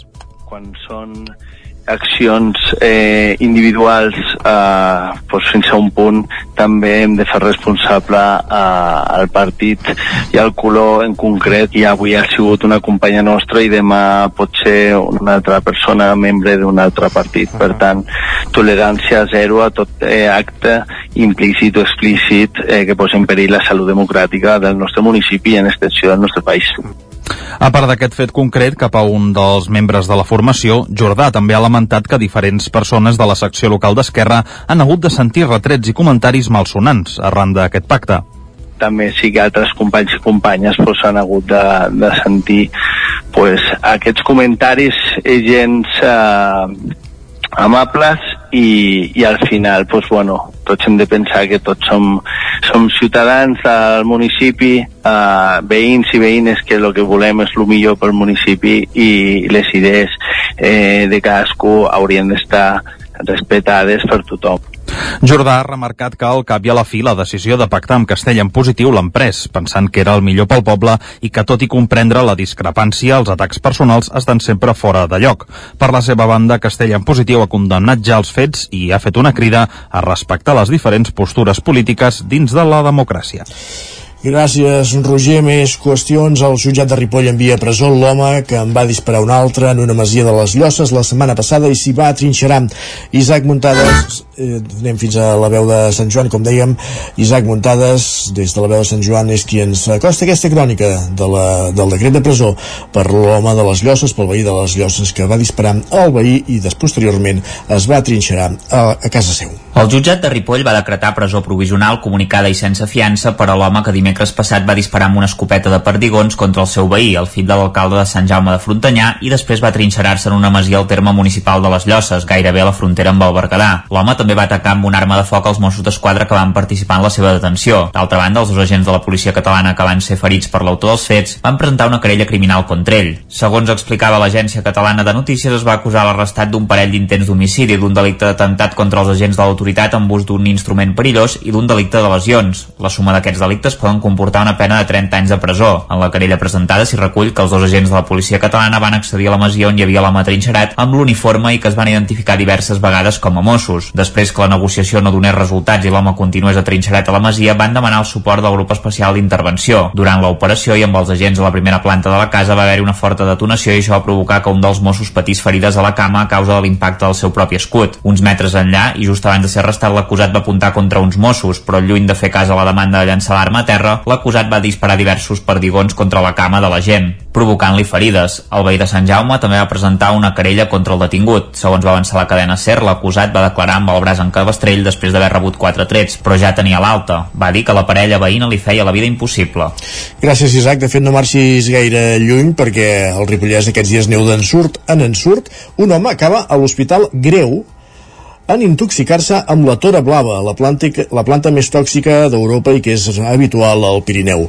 Com dèiem, tornem a la veu de Sant Joan, Isaac. Els bombers de la Generalitat de Catalunya van evacuar un home al Pic de l'Àguila al terme municipal de Caralps que havia ingerit tora blava, una de les plantes més tòxiques i letals d'Europa. Els fets van ocórrer pocs minuts abans d'un quart de set de la tarda del passat divendres, quan l'home va trucar al 112 per alertar que es trobava en aquesta muntanya i que s'havia marejat i vomitava. El grup d'actuacions especials dels bombers van arribar fins al lloc dels fets i van comprovar que l'home tenia dificultats per moure's, poc pol radial i un color blavós de pell a les extremitats. La víctima duia tora blava a les mans i va explicar als bombers que n'havia s'havia consumit pensant-se que era api silvestre. Juntament amb el Servei d'Emergències Mèdiques se'l va monitorar i evacuar greu, primer a l'Hospital Doctor Trueta i després a la Vall d'Hebron. Sortosament, l'home n'havia ingerit una quantitat mínima i per això va evitar la mort. Després d'aquest incident, els bombers i la Federació d'Entitats Excursionistes de Catalunya han iniciat una campanya per donar a conèixer la tora blava i conscienciar sobre la possibilitat de consumir plantes silvestres. La tora blava, també coneguda com a cònit, produeix una intoxicació potencialment mortal per la ingesta o pel contacte amb la tija, les fulles i l'arrel. És una planta de 50 centímetres o un metre i mig d'alçada amb una tija dreta, esbelta, plena i coberta de fulles al llarg de la seva longitud. Té les fulles grans d'un color verd fos dividides fins al nervi central en segments molt estrets i acabats en punta. Es pot trobar en indrets humits com als marges de torrents, vores de camins ruderalitzats, entorn de cases de pagès i llocs de descans del bestiar com verdisses i prats de muntanya, sovint per sobre dels 1.800 metres. Gràcies, Isaac. Demà comença l'estiu, convida a posar-se l'aigua, convida a banyar-se. De fet, ja hi ha piscines municipals que han obert. La que no ho farà és la piscina exterior del Club Patí Vic. Ara el dubte, Miquel Giol, està en si la piscina coberta es podrà utilitzar o no encara aquest estiu. Des que el, el passat mes de gener l'Ajuntament de Vic va adquirir l'equipament del Club Patí Vic, una de les seves principals prioritats era la de tenir-ho tot a punt per la temporada d'estiu, però finalment no serà així. La piscina exterior del Club Patí Vic no s'obrirà aquest estiu, un fet inèdit que no havia passat mai des que l'entitat va néixer el 1973, ara fa 50 anys. La piscina exterior, per tant, no funcionarà perquè s'està reformant, unes obres que ja van començar fa uns mesos però que s'han endarrerit per culpa de dificultats administratives. Per aquest motiu, la reforma no estarà a punt per obrir aquest estiu, tal com explicava Titi Roca la setmana passada quan encara era regidor d'Esports en funcions. Aquesta piscina és una piscina exterior de, de 50 metres, per tant requereix no? eh, segurament de pujar al bas, mantenir la piscina a 50 metres, tot això hi havia estudis i dintre d'aquestes taules es valorava aproximadament amb uns 800-900 eh, mil euros no? de, de reforma d'aquesta piscina no? però quan entres veus les instal·lacions com estan veus els tempos, les contractacions com et deia i això ho dificultava per poder-ho tenir en marxa amb aquest poc temps no? des de febrer diguéssim fins a dia d'avui doncs poder fer tot això no? Tot i que la piscina exterior no s'obrirà els usuaris sí que podran gaudir de tot l'espai de, de les platges i de la zona enjardina doncs sí s'ha anat fent un manteniment adequat eh, durant els últims mesos l'única única alternativa sobre la taula i la que ara per ara sembla més viable és la d'obrir la piscina coberta, tot i que comparteix algun mecanisme amb la piscina exterior que dificulta i endarrereix l'obertura, explicava Roca vam engegar una altra via que és la de la interior, no? que semblava que havia de ser més fàcil, però com que hi ha coses que estan unides, vas trobant no, detallets, el sostre de la piscina interior, que si s'ha de treure, que si hi ha un cert perill, eh, les instal·lacions, refer cosetes, i això no es pot anar fent a trossets, sinó que s'ha de fer un projecte ben fet, i això requereix doncs, de poder-ho fer, de contractar-ho bé, tenir els diners, dotar-los, que això ja es va poder fer en els últims plens de l'Ajuntament, però tot això hem de veure ara la maquinària al moment que ja s'ha engegat i veiem a on arribem, no? En altres municipis de la comarca, les piscines municipals ja han començat a obrir. És el cas de Manlleu, que aquest any ha avançat uns dies la data d'obertura. També Sant Vicenç de Torelló i Roda Ter va obrir la seva instal·lació dilluns passat. Aquest cap de setmana han obert també les de Torelló o Sant Quirze de Besora. Més qüestions, anem cap al Vallès Oriental perquè Protecció Civil forma uns 200 alumnes a Vilanova del Vallès per una rebella de Sant Joan Segura. Els escolars han assistit a la representació de l'obra de teatre a Foc Lent, això és el mateix nom que la secció de cuina del territori 17, de la companyia Mil Notes de Granollers que incorpora diversos consells. Pol Grau, Ràdio Televisió Cardedeu. Uns 200 alumnes de les escoles mestres Munguet Cortés i la Falguera de Vilanova s'han format aquest dilluns al matí per tenir una rebetlla segura. Ho han fet a través del teatre de la presentació de l'escenari del Centre Cultural del Poble de l'espectacle foc lent, a càrrec de la companyia Teatre Mil Notes de Granollers. El muntatge, a través de diversos personatges i les anècdotes que l'expliquen, aporta consells a l'hora de llançar petards i coets i per assegurar una rebetlla de Sant Joan segura i sense accidents. L'acció forma part de la campanya Rebetges en precaució que impulsa Reprotecció Civil de la Generalitat. L'actuació teatral s'ha completat amb els testimonis d'un membre del sistema d'emergències mèdiques que han ensenyat com actuar en cas de patir una cremada o alguna altra lesió provocada per la pirotècnia. Membres de la colla de Diables de Dos Rius han explicat com llençar els petards i els tipus de pirotècnia que hi ha al mercat i a quines edats van adreçats. L'acte ha comptat la participació de voluntaris de protecció civil del poble. Gràcies, Pol. Més qüestions a Vic. La Biblioteca Pilarín Vallès, amb la col·laboració de l'entitat Amics de la ciutat, impulsa un servei de voluntariat regular que vol ajudar a cobrir les necessitats que es van generant i que cada vegada n'hi ha més. Tot i que en un principi a la Biblioteca Joan Triadú ja hi havia moltes necessitats constants que eren difícils d'assolir, ara amb la nova Biblioteca Pilarín Veients la quantitat d'usuaris s'ha multiplicat i els costa molt més resoldre els problemes que els surten i les activitats constants que s'han de complir. En una roda de premsa el dimecres passat van explicar com funcionaria aquest servei. Sentim el coordinador de la biblioteca, Ignasi Gené. És un servei d'aquests que serà regular, que després explicarem la, la logística de tot plegat, però hi ha la participació necessària de l'entitat, d'Amics de la Ciutat, um, per poder què? Per poder lligar i casar necessitats que hi han cada vegada més, repeteixo, ho he dit abans que n'hi havia la Triadú, però cada vegada n'hi ha més en la Biblioteca Pilarín perquè el moviment s'ha multiplicat i per tant hi ha necessitats que es van generant i possibles necessitats per cobrir per voluntari.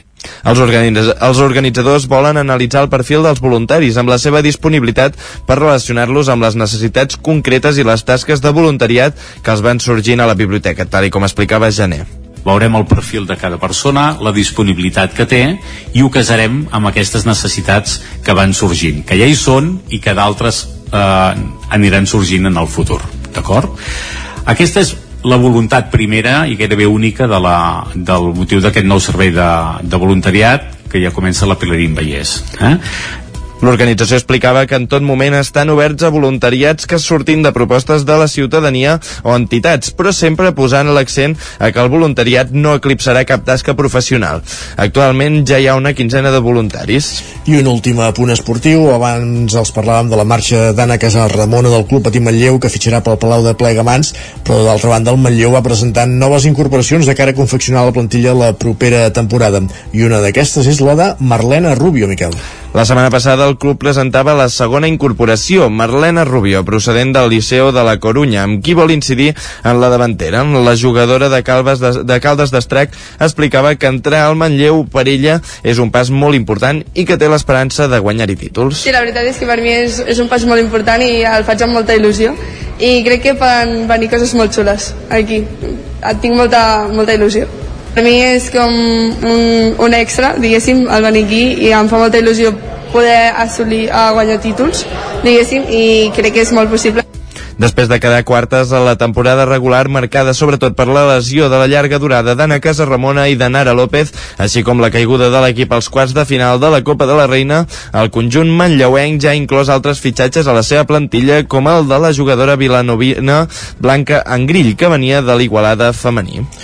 Gràcies, Miquel. Acabem aquí aquest repàs informatiu que començàvem al punt de les 10 en companyia de Miquel Giol, Isaac Muntades, Pol Grau i Roger Rams. És moment al territori 17 de saludar de nou el nostre home del temps, en Pep Acosta.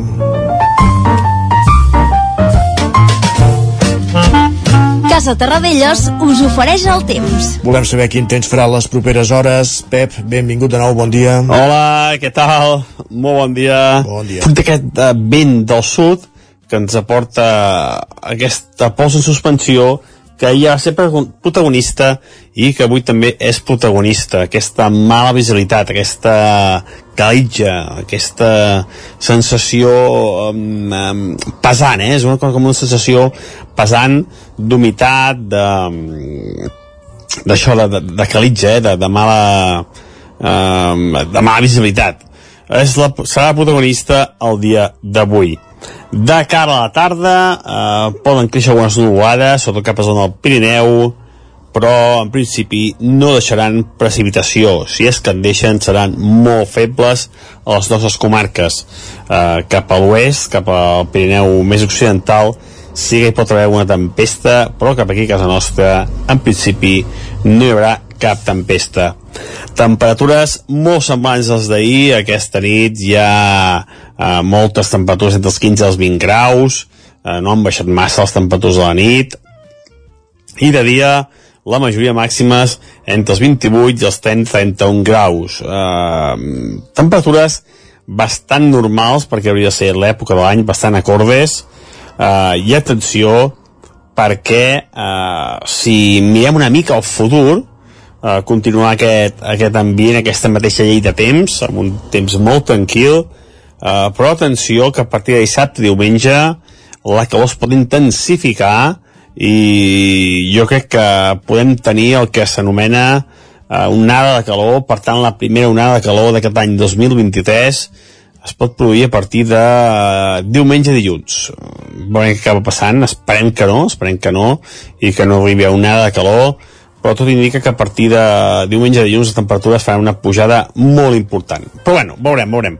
De moment això, eh, de moment, eh, avui, últim de primavera, temps ja d'estiu, eh, mínimes 15-20 graus, dia de mala visibilitat, algun creixement, algunes nuvolades a la tarda, en principi sense precipitacions i unes temperatures eh, molt suaus, eh, altes, altes, però bastant, bastant normals per l'època de l'any. Moltes gràcies, fins demà, adeu. Aquella paraula, aquelles dues paraules que no volíem sentir juntes, eh? Pel cap de setmana, a partir de diumenge dilluns, onada de calor. Gràcies, Pep, per la informació. Anem a parlar d'economia. Casa Tarradellas us ha ofert aquest espai. Ara mateix passa un minut d'un quart d'onze del matí.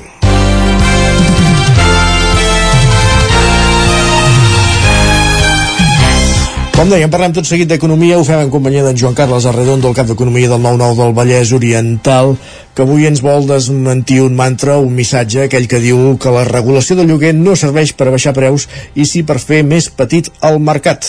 Joan Carles Arredondo, benvingut, bon dia. Bon dia. Aportes dades. Sol passar, eh, que si, si int- intentem com a mínim dades més objectives que la simple percepció a vegades Exacte. algú posa sap, allò que fa de llapar-se el dit i veure on ve el vent no? Sí. doncs eh, aquí hi ha hagut hi va haver i està havent molt apriorisme respecte del, de la qüestió de la regulació dels lloguers uh -huh. um, això passa, eh? si, si poses l'apriorisme per davant de les dades eh, la, la possibilitat d'error augmenta exponencialment i aquí eh, ha passat, no? És a dir, sobretot perquè alguns van posar la vena abans de la ferida i, i recordem, eh, Catalunya va regular el preu del lloguer al setembre del 2020 eh, va ser una regulació podem dir efímera, eh, perquè va durar 18 mesos abans que el Constitucional el tombés aquesta regulació per un tecnicisme que això ja ho explicarem potser més endavant però per tombar les coses que afecten el dia a dia de les persones per tecnicismes no sé fins a quin punt contribueix a apropar la gent eh, a, la, a la política. Ja però això ja en tot cas em, eh, és, és, mate, és matèria de, de politòlegs i, i no pas de, de presumptes analistes econòmics com és el cas no? a més a més aquest, aquests apriorismes es van, es van desenvolupar eh, fins i tot sense donar l'oportunitat que les mesures poguessin demostrar la validesa i això va passar eh, amb, amb la llei catalana i està passant ara també amb la llei estatal que, que porta en vigor no, no, fa, no fa ni mig any eh? um, i mentre les dades empíriques demostren no direm l'eficiència però, però, però potser sí un, un cert resultats eh? um, com a mínim demostra més resultats que, el, que els apriorismes els altave, i, i, i altaveus fortament ideologitzats que, que van començar a analitzar la mesura havien invalidat eh, abans fins i tot que es poguessin executar. Eh, com dèiem eh, la, la llei catalana va tenir un recorregut que lamentablement s'ha de dir va ser efímer.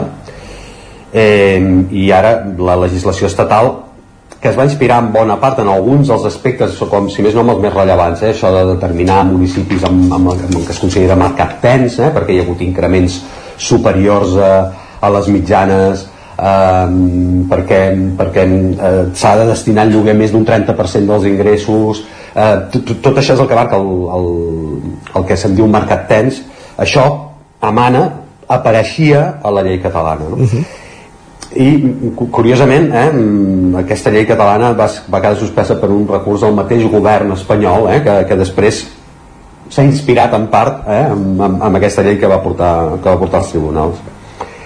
Mm, això, bueno, una mica el que dèiem eh, que mm, això, aquest, aquest recurs presentat per tecnicisme és una qüestió competencial deien que Catalunya no tenia competències per això està completament diguem-ne distant eh, de, de, del que és un dret constitucional i un dret que també recull l'Estatut de, de Catalunya aquest, aquest, aquest precepte no va ser tombat eh, pel Constitucional um, perquè que, que aquest, aquest dret constitucional és accedir a un habitatge digne no?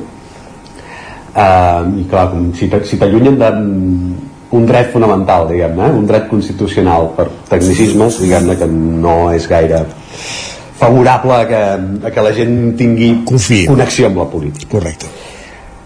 Eh, això és. Em, com, com que els, el, els temps actuals són, són temps de polarització, cap mesura que no provingui dels postulats més propers eh, del teu propi partit és susceptible de ser rebregada i això va ser així també amb aquestes lleis d'habitatges ja ho hem explicat altres vegades eh? existeix la, la, aquesta teoria de, de la mà invisible eh? de, de, de l'Adam Smith és el pare del liberalisme i aquí estem citant el liberalisme quan eh, diguem-ne que els que s'han regirat diguem-ne contra aquesta mesura són més liberals que ningú doncs en el mercat de l'habitatge això queda desmentit la, eh, recordem eh, el, la, la, la teoria de l'ama invisible que diu és que el mercat és tan eficient que aconsegueix equilibrar eh, els interessos que són sovint contraposats del que està ofertant un producte i el que l'està demandant les lleis del mercat diguem-ne situen les coses en el seu preu just i això és mm, el, el, el moment en què es produeix aquest equilibri és aquesta mà invisible és la mà invisible del mercat que, que intervé en això mm, està clar que això no està passant eh? si, si hem posat tots els exemples aquests de creixements per sobre de, del cost de la vida, de, eh, de preus que, que impossibiliten diguem-ne de tenir un habitatge digne sense haver de renunciar a altres coses, etc. Diguem-ne que mm, aquesta, aquesta mà invisible en, en, en aquest mercat i sobretot en determinades poblacions eh, no, no s'està produint. No? Eh, això passava en moltes poblacions i recordem que en el cas de Catalunya um, també afectava les nostres poblacions eh? Parlaven de que el mercat estava tens a Vic, a Manlleu, a Granollers a Mollet eh? això mm, perquè no s'havia fet el tall en municipis de més de 1.000 habitants segurament en trobaríem més um, quan la, llavors, què passa quan es produeix clarament una ineficiència dels mercats, aquesta mà invisible no funciona? Doncs que el recurs més a l'abast és la regulació pública i això genera molta al·lèrgia en determinats sectors però és la manera d'aconseguir aquest equilibri quan es va produir la regulació aquesta al·lèrgia va ser més poderosa que la realitat i mm, no van faltar veus que van alertar del doble risc, aquest que apuntaves al principi, eh, que la llei no servís per complir el seu objectiu de reduir preus i que a més això suposés un desincentiu per als propietaris del mercat per als propietaris, diguem-ne, eh, que no posarien pisos a disposició i per tant el mercat es faria més petit. I això va ser el discurs dominant mm, tant quan va entrar en vigor la regulació catalana com, eh, com ara la, la llei estatal no? doncs bé, aquest apriorisme està desmentit per les dades o almenys per les dades que recullen alguns estudis com el que ha elaborat l'Observatori Metropolità de l'Habitatge de Barcelona ara fa un any i més recentment un un segon informe de l'Institut d'Economia de Barcelona aquests dos, tots els estudis analitzen el comportament del mercat de lloguer durant els aproximadament 18 mesos que va estar vigent la llei catalana de regulació del lloguer i la resposta mm, als dos grans interrogants plantejats arran d'aquesta promulgació eh, de, de la normativa és coincident. Primer, els preus van baixar lleugerament i, en canvi, l'oferta de pisos no es va veure alterada de manera significativa. Ho diuen tots els estudis. No, aquí, diguem-ne que no hi ha ni discrepància. Eh? Han utilitzat metodologies probablement diferents, etc i tots dos arriben a la mateixa conclusió. Això ja se sabia quan aquest mes d'abril es va aprovar la llei estatal, eh? estem parlant de que el de l'Institut, perdó, de l'Observatori Metropolità de l'Habitatge és de juny de l'any passat, per tant quan es va fer la llei espanyola ja se sabia en canvi, el missatge va tornar, que va tornar a escolar-se i, i convertir-se, diríem, en mainstream, va ser el mateix. Eh, no baixaran els preus, els propietaris s'espantaran i no posaran els seus pisos de lloguer. Tant era que hi hagués estudis que demostressin el contrari, tant era que la legislació estatal tingui més orientació cap a una regulació que afecti els grans tenidors, que són la minoria del, de, del mercat de lloguer. Era més llaminer, diguem-ne, desqualificar la mesura i per fer-ho mm, es va acudir a aquests epidèrmics a, a priorismes ideològics i es van aparcar les conclusions dels estudis acadèmics independents. Um, L'estudi de l'Institut d'Economia de Barcelona detecta una reducció entre el 4 i el 6% del preu dels habitatges. Si aquest descens és suficient o no, això és un altre debat però el que no mereix debat eh, perquè no hi ha base estadística acadèmica ni científica que, que, que suporti aquest, eh, aquest debat és que no hi hagi hagut cap reducció dels preus de lloguer A més, la comparativa, eh, com, com s'arriba a la conclusió que el mercat no es va fer petit? Doncs es, es van comparar els contractes de lloguer firmats durant la vigència de la llei catalana i es va posar en comparació respecte al període anterior que entrés en la, la vigència i de fet es tira més enrere perquè el 2020 era un any de pandèmia i diguem-ne que les operacions van quedar una mica disminuïdes es va posar la comparació amb el 2019 doncs eh, el que es veu és que el nombre d'ofertes mm, el, el, el nombre de contractes va ser similar i la, la base de dades que, que, que s'utilitza per saber quants contractes hi havia és universal perquè a Catalunya els contractes es dipositen en l'Institut Català del Sol i diguem-ne que es, es, es té control sobre tots no? per tant no és cert que els propietaris s'espantessin i deixessin de posar els, habitat, els habitatges de lloguer i, i això, que, que, si, que si el mercat s'hagués fet més petit això hauria incidit en els preus no?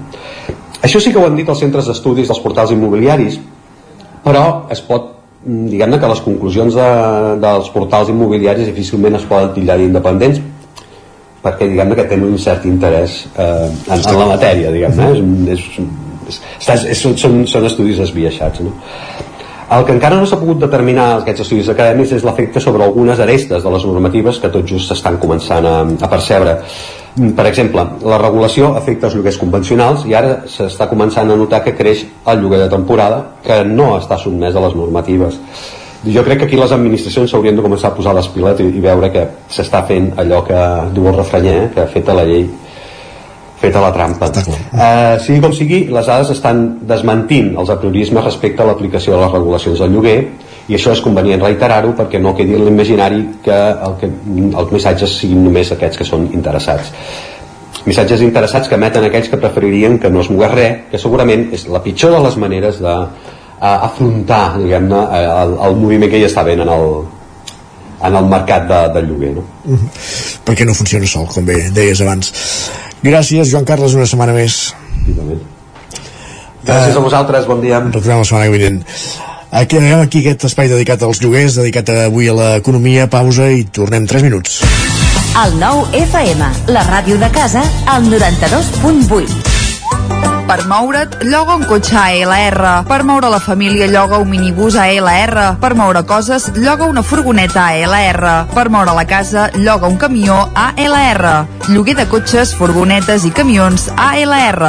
Ens trobaràs al carrer Francesc Sant Climent 83 de Vic i també a Olot i Manresa. Informa't en el 93 888 60 57 o bé consulta el web alr.cat. Escriurem aquest estiu vine a viure el Festival Macroclima a Camprodon. Miqui Núñez, Blaumut, Helena Gadel, Missima, Pau Ballvé i molts més us esperen en un entorn immillorable. També concerts pels més petits amb Xiula i de Marisa Labert, l'humor de Quim Esferrer i una àmplia oferta de gastronomia de la vall. Compra ja la teva entrada i vine a Camprodon a gaudir del macroclima. Si tens pensat canviar la caldera o posar aire condicionat, posa't en mans a Pradell. Tenen les millors ofertes. Pradell instal·la calderes de biomassa, calderes de condensació, aire condicionat tant per a particulars com per a empreses. Apunta, Pradell, Avinguda Països Catalans, número 27 de Vic. Telèfon 93 885 11 97. Repetim, 93 885 11 97. Davant l'escassetat hídrica, fem un consum responsable de l'aigua, perquè cada gota que estalviem serà una gota més per al planeta. No et quedis sec. Tanca l'aixeta. Akbar amb tu.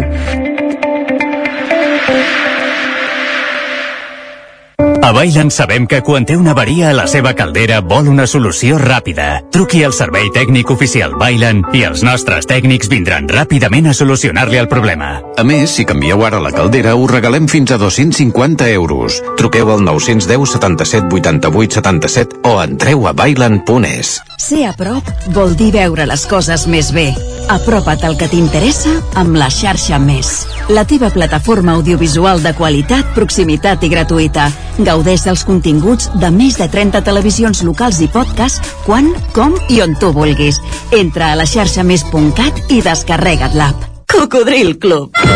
Si t'agrada la bona música dels anys 60, 70 i 80, escolta el 9 FM als matins de dissabtes i diumenges d'11 a 1. És el temps del Cocodril Club, tot un clàssic de la ràdio, amb les bases del pop-rock, les llegendes, les cançons que s'han convertit en autèntics himnes. Recorda, dissabtes i diumenges al matí, d'11 a 1, al 9 FM 92.8. Cocodril Club, el programa revival de l'Albert Malla. Hasta luego, cocodrilo. Anuncia't al 9FM. La màquina de casa. 9 3 8 8 9 4 9 4 9. Publicitat arroba al 9FM.cat. Anuncia't al 9FM. La publicitat més eficaç. En punt dos quarts d'onze, Guillem Sánchez, benvingut, bon dia. Bon dia, què tal? Moltes felicitats. Ens ho vas dir ahir, t'anirem felicitant cada dia fins diumenge. Ostres, mira que bé. Eh, que sí? Que no, que no, que no quedi diluït el Sant Guillem rere el Sant Joan. Doncs va. Que no torni a passar. Allarguem-ho Mai perquè felicitar la gent, mira, és una de les coses Eh que més, sí? més maques que es pot fer a la vida. Doncs vinga. Doncs vinga, va, fins al dijous, així.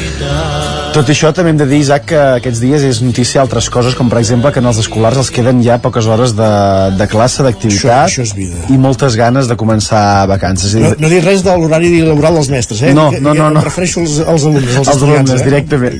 Bueno, els que diuen que estudien, no? Exacte. Els, he dit els alumnes. Va, doncs vinga, gran reflexió del nostre company d'en Guillem Freixa, que ens escrivia ahir, diu He dinat al costat d'uns adolescents i m'han fet molta enveja. Classe al matí, menjar una hamburguesa i a la tarda a la piscina. És la seva última setmana d'escola, la millor de l'any, tot un estiu per endavant. Va, va, està molt bé el tuit d'en Freixa, ja, ja té molta raó, eh? però és que me'n va fer molta gràcia un altre que va fer al vespre. No sé si el trobo. El tens tu o no? Em, em sonava que havia afegit alguna, alguna cosa més, em ve al cap, però No, no, no, no, no té res a veure. No, no, No. per això, per això. Uh, pam, pam, pam, pam, pam. Ah, ara l'he perdut, com pot ser? No pot ser, Isaac. Ah, sí, home. Explico també els contes al meu fill, sí. que hi ha dies que fins i tot m'adormo jo. I no és romàntic també això, Preciós. no és romàntic. Va, i sé quan... La qüestió és adormir-se després del nen, perquè. si no tens un problema. Va, i quan arriba l'època de vacances hi ha gent que dedica el temps a fer coses, evidentment, que durant l'any no ha pogut fer, com per exemple en Joel, que ens escriu la primera recepta de les vacances ha estat un tiramisú de limoncello. Ah, per aquí. Que ens el porti, no? No, no havia Quina- sentit mai quina aquesta... Manera, quina manera de fer malbé el tiramisú, mare de Déu. I el, i el limoncello també. Va, aquests són uns mesos d'entrades i sortides de vacances constants de la gent. Mireu com s'ha llevat l'Ester, que ens diu Avui necessito valor per entomar la llau de feina que he trobat, tornant de vacances mentre els altres han treballat. Espero encertar les prioritats perquè els correus tots semblen iguals, diu la safata d'entrada. Ah. Quina mala sensació aquesta, la d'haver de respondre i no saber a vegades d'on baixen les coses ni d'on ragen. Està desubicat. Va, i com sempre per El, el, millor, el, el millor en aquests casos és fer una setmana més de vacances. O no encendre l'ordinador també a una altra banda i com sempre s'ha de dir que hi ha gent per, per tot per exemple la Júlia que ens comenta diu odio la calor i odio l'estiu torneu-me ja a les vacances de Nadal Doncs Home, no. diu, en, Pep, Home, en. Pep ja ens ha advertit que entre diumenge i dilluns hi haurà la primera onada de calor. Ai, ah, pensava que anaves a dir la primera volva de neu ja no, no, onada, onada de calor. Ai, ai. això vol dir que diumenge és dia de, de platja De Sant Guillem. i s'haurà de celebrar la platja va, i atenció Isaac a aquesta notícia a veure què faries tu ja. 80.000 euros per a qui vulgui viure en una de les 23 illes menys habitades d'Irlanda et convenç el pla? Em porten a l'illa i només em donen 83.000 euros. 80.000 Bueno, 80.000, ja no he de 3 aquí. Acceptes, no acceptes? Home, per què no? Mira, hi ha gent com la Maria que ens comenta, diu, marxo ja a tenir una caseta amb animalets i passar el dia fent ganxet i llegint a la platgeta ben, abrig ben abrigadeta. Diu, si em voleu em podeu visitar. Què més? En Marc ens diu, tots els que dieu que veniu a Irlanda, que diu que deu-vos a Catalunya, si plau. En Marc suposo que deu, deu, deu viure allà. I també aquest comentari és bo i ens diuen, és la teva oportunitat per partida doble, per dir adeu a la calor intensa i adeu al soroll dels veïns. S'ha de dir que la notícia té una mica de trampa. Ja explica'ns-la. Es veu que sí que donen 80.000 euros, però és una subvenció que s'ha d'invertir en rehabilitar una de les cases deshabitades d'alguna d'aquestes 23 illes. Molt bé. Per tant, no és que te'ls donin directament i puguis fer el que et vingui de gust. I llavors en aquesta illa, bueno, en fi, hi ha, hi ha vida i activitat, per tant, t'has de fer la teva activitat també. Acceptaries el pla per això, Isaac? O, Bueno, no em sembla o, si- malament. O si està molt bé aquí. No em sembla malament. Va. Uh, canviem de tema. Sant Guillem el diumenge, però hi ha gent que també aquests dies està fent, està fent anys, està fent Ah, sí? anys, com per exemple la filla d'en Xevi. I en. Xevi ha escrit. I Què diu, escriu en Xevi? La meva filla avui fa els 18 anys. Diu, és el moment de començar a treure la carta de mentre visquis a casa meva ah, carai. i punts suspensius i a partir d'aquí que cadascú hi afegeixi el que, el que, el que li vingui de, de gust i aquests dies de calor, Isaac, el que no sé si és eh, bo o és dolent és posar-se a fer gaire activitat física, gaire esport allò que diuen de no fer activitat a les hores centrals del, del, del dia. Depèn de l'hora. Ahir sí, ahir, aquí a la plana de Vic ahir s'estava la Marta bé per fer activitat física. La solució, si no, com sempre, passa per anar al gimnàs. I d'això en parlem amb un parell de, de missatges. Per exemple, l'Andreu que ens diu quan caminar ja ho consideres l'exercici físic del dia és que t'has fet bastant vell. Diu, m'he desapuntat del gimnàs perquè ara vaig caminant a la feina. Però a vegades és més efectiu el caminar que... Sí? Sí. En Pau apunta també, diu, m'he desapuntat del gimnàs perquè ja trec la gossa a fer un passeig tres cops al dia, molt fort. Per favor. I la Judit ens eh, comenta també, diu, a mi em xoca molt la gent que va al gimnàs en patinet o que sempre va per les escales mecàniques i després paga el gimnàs. O en moto, sí, exacte. O en moto. Sí, sí. I tinc temps d'una última? Va, ràpida. Va, situació surrealista. Bon dia, per qui la tingui, em picava l'esquena i m'he rascat i resulta que hi tenia una aranya de 4 centímetres. Ai, que tingueu tots un... Bon Sant Guillem. Un bon dia i un bon Sant Guillem. Gràcies, Va, Guillem. Que vagi bé.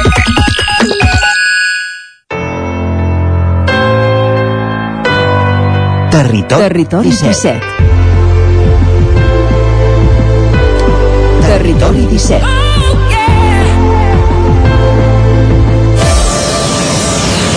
I anem cap al racó de pensar perquè avui la Maria López posa a la lupa els noms de carrers que tenen nom de dona, que encara són pocs, Maria.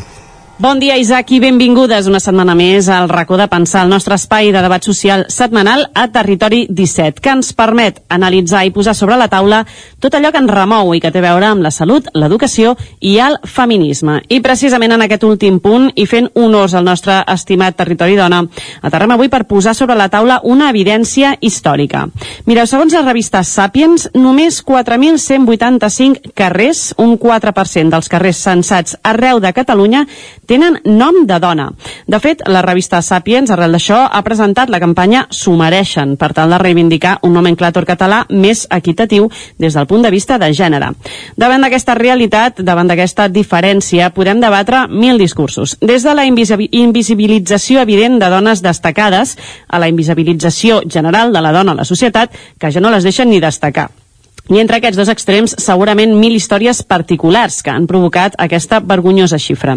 Així que avui volem posar el focus sobre els nostres carrers i sobre, aquest, sobre aquesta diferent evidència de gènere. Volem conèixer històries particulars i també iniciatives perquè això canviï. Avui, doncs, sobre la taula del racó de pensar, masclismes del nomenclàtor. El racó de pensar, a Territori 17.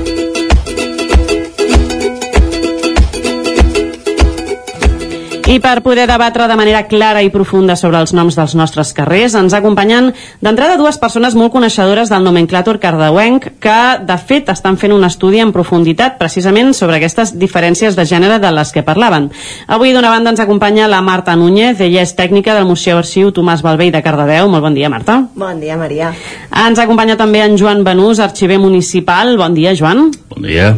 I també per tancar el trident d'avui des d'una perspectiva molt més d'iniciatives, per dir d'alguna manera, ens acompanya l'Amat Molero. Ell és eh, dinamitzador del casal de joves La Paqui i des d'on precisament s'està preparant una d'aquestes iniciatives. Bon dia, Amat.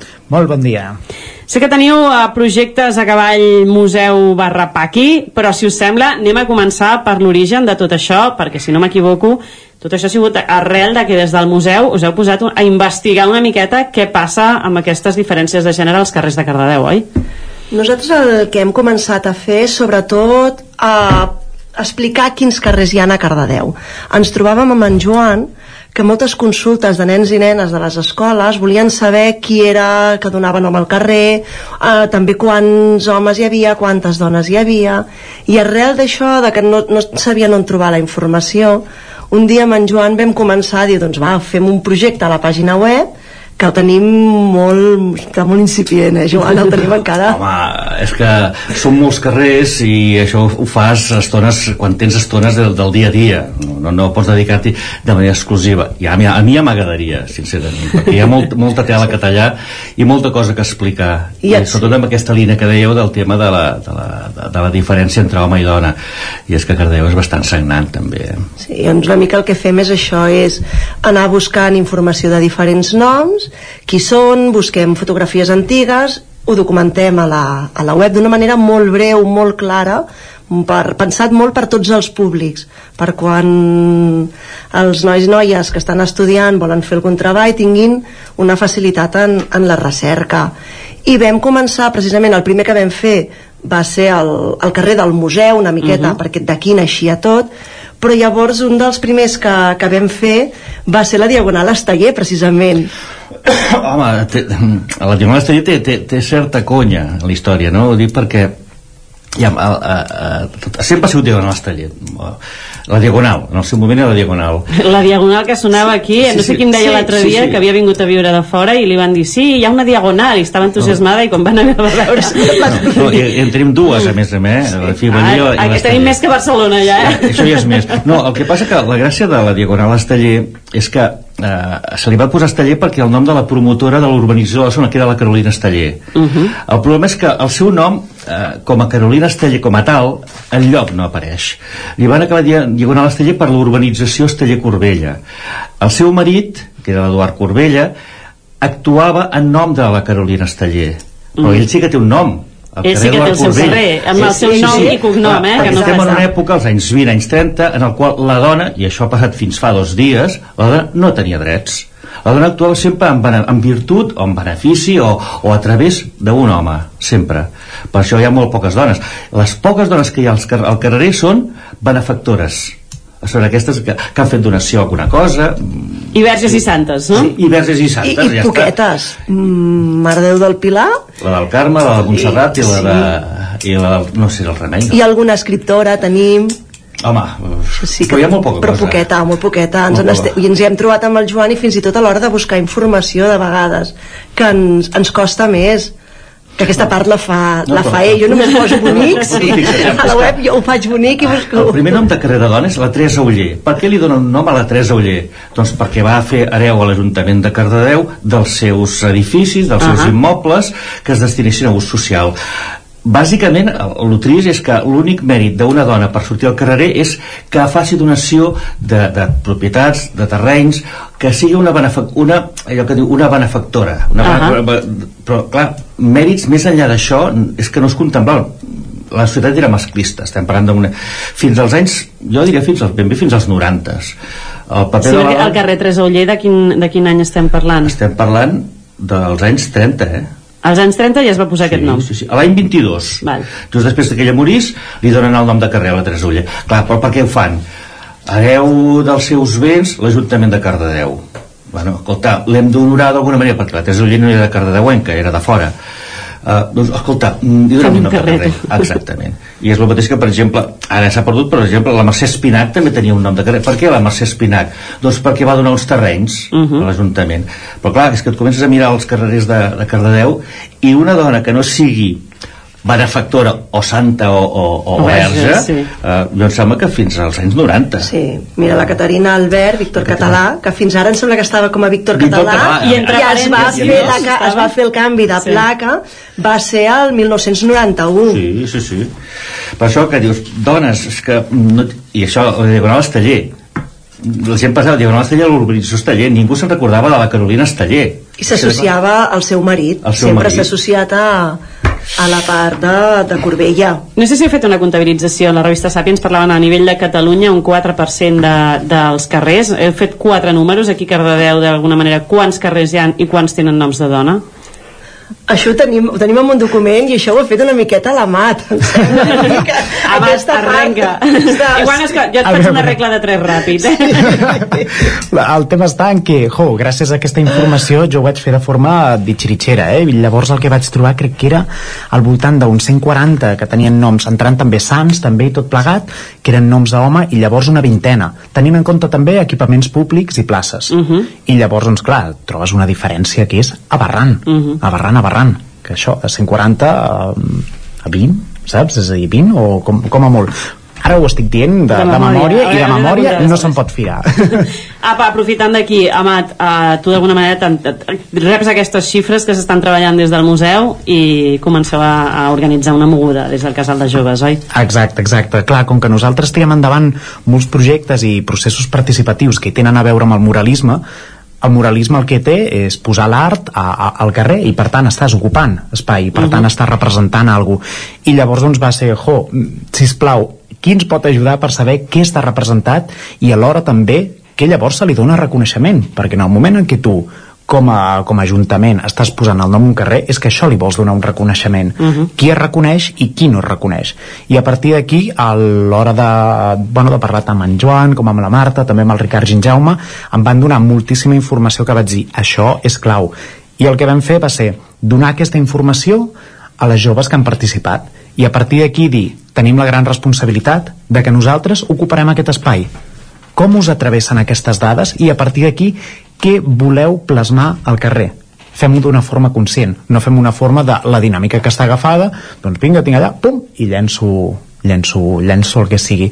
I jo, la veritat és que està sent preciós. Està Sí? sent preciós. Què tenim previst? Que, quan, quan es consolida tot això? La consolidació, és a dir, el procés està acabat. Ara queda només la culminació. I sense voler fer molt spoiler, vale?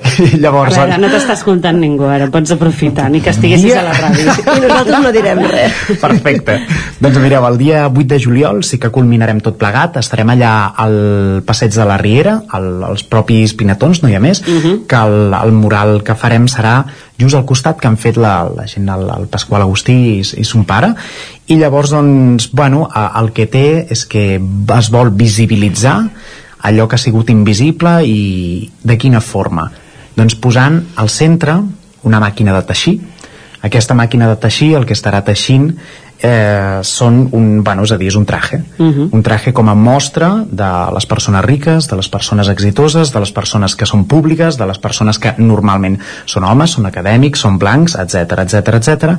i llavors algú ha deixat de teixir i surt per una porta i mentre surt per la porta té un spray per la, amb la mà i al costat posa no teixiré més el vostre puto èxit i per tant doncs, la idea està en això, en aquest treball de cures en aquest treball domèstic, en aquest treball invisible que les persones exitoses eh, des d'un gran idolatrat Messi o qui sigui eh, òbviament tenen un reconeixement gràcies a tota la feina de la classe treballadora de darrere i tota la feina invisible que històricament l'han dut a terme les dones. Mhm. Una de les coses que també deia la, la revista Sapiens i us faré ara així fer... Us estic fent treballar a Sí, moda sí. sobre la marxa, eh? Era que no només els noms que hi havia, la majoria doncs, eren eh, relacionats amb la religió, sinó que quan això passava normalment es et donaven els carrers més eh, petits o més curts, per dir-ho d'alguna manera, carrers sense massa importància. No sé si haguéssim de fer un pensament sobre Cardedeu es coincideix. Mm. La, la Diagonal ja hem deixat dit que no era ben bé la Diagonal de Barcelona, no. d'alguna manera és bastant més modesta la que tenim a Cardedeu.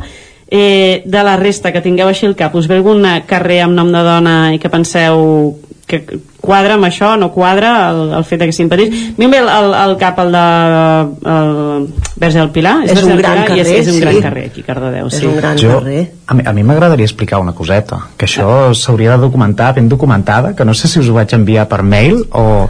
Ara no recordo. El, és a dir, la meva iaia, que, que és emigrant de, de, bueno, d'Aragó, uh Mhm. -huh. algú que li va passar és que mentre vivia allà als estalvis eh, encara no s'havien creat ni els carrers, ni la Sí. plaça, ni res d'això, i llavors ella recorda que va venir un senyor de l'Ayuntamiento i li va dir, ¿usted cómo se llama? I ella va dir, Carmen, i diu, muy bien, le pondremos esta calle su nombre.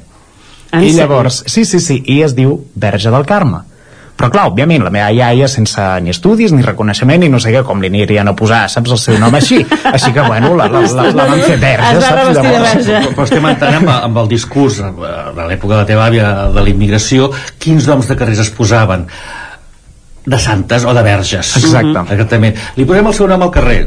Clar, la Virgen del Carmen és, clar, és que és només proper a una dona que, que hi en el, el règim literalment d'abans del 75 Mhm. o sigui, clar, mm, no hi ha més. Total. era un règim eh, eh, patriarcal, un règim molt conservador i un règim molt religiós. I en base a això el que fa el nomenclator és, és exposar el que és aquella societat. Total. ja, i si és així doncs sortirà el que sortirà no, no li posaran Federica Montseny a un, a un carrer en aquella època. Home, li van posar fa dos dies i massa que han trigat però bueno, jo crec que la idea seria poder anar recuperant una mica eh, no aquest missatge eh, que deixant enllà, enllà el règim franquista s'han mantingut molts anys, sinó buscar una altra mena d'alternativa de missatges, una societat més plural, més oberta que no sigui heterosexual, blanca, eh, conservadora o, o triomfant, sinó que sigui una mica tot. Però clar, això són processos lents, són processos molt lents, i els que governen, siguin els del color que siguin, sempre tenen la seva agenda.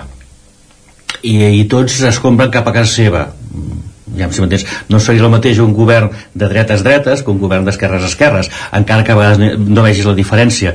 I a l'hora de fer les, les, les predileccions per a quin nom de carrer posarem o deixarem de posar, sempre hi ha preferències. I, el, sí. i aquest equip que ha marxat ara, que, que ha acabat ara, home, jo crec que ha tingut certa sensibilitat. Hi ha hagut canvis en el, en el nomenclàtor mm -hmm. i, mm -hmm. i s'ha apostat per, per noms també més d'actualitat mm -hmm. o que penso que sí com de difícil és fer un canvi en aquest sentit? O sigui, la dificultat d'anar canviant això, entenc que de base és que el poble ja està fet i hi ha pocs carrers nous imagino que quan es fan nous ja es fa amb una altra mirada o vull pensar que es fa amb una altra mirada però entenc que al fer canvis de noms de carrer d'una banda deus tocar sensibilitats de, o sigui, administrativament deu ser un drama no? per la gent és que molt complicat i per la gent mm. que viu al carrer és d'una complexitat important. bueno, també és el tema de, de, de, del cadastre de les, dels domicilis fiscals per exemple, jo poso un exemple, jo visc a Mataró. A Mataró hi ha una avinguda que era l'avinguda eh, Alfons 13 uh -huh no fa massa la banca, li manquen el nom per Avinguda de la República. En aquell carrer viuen potser unes 6.000 persones. No hi ha hagut cap problema.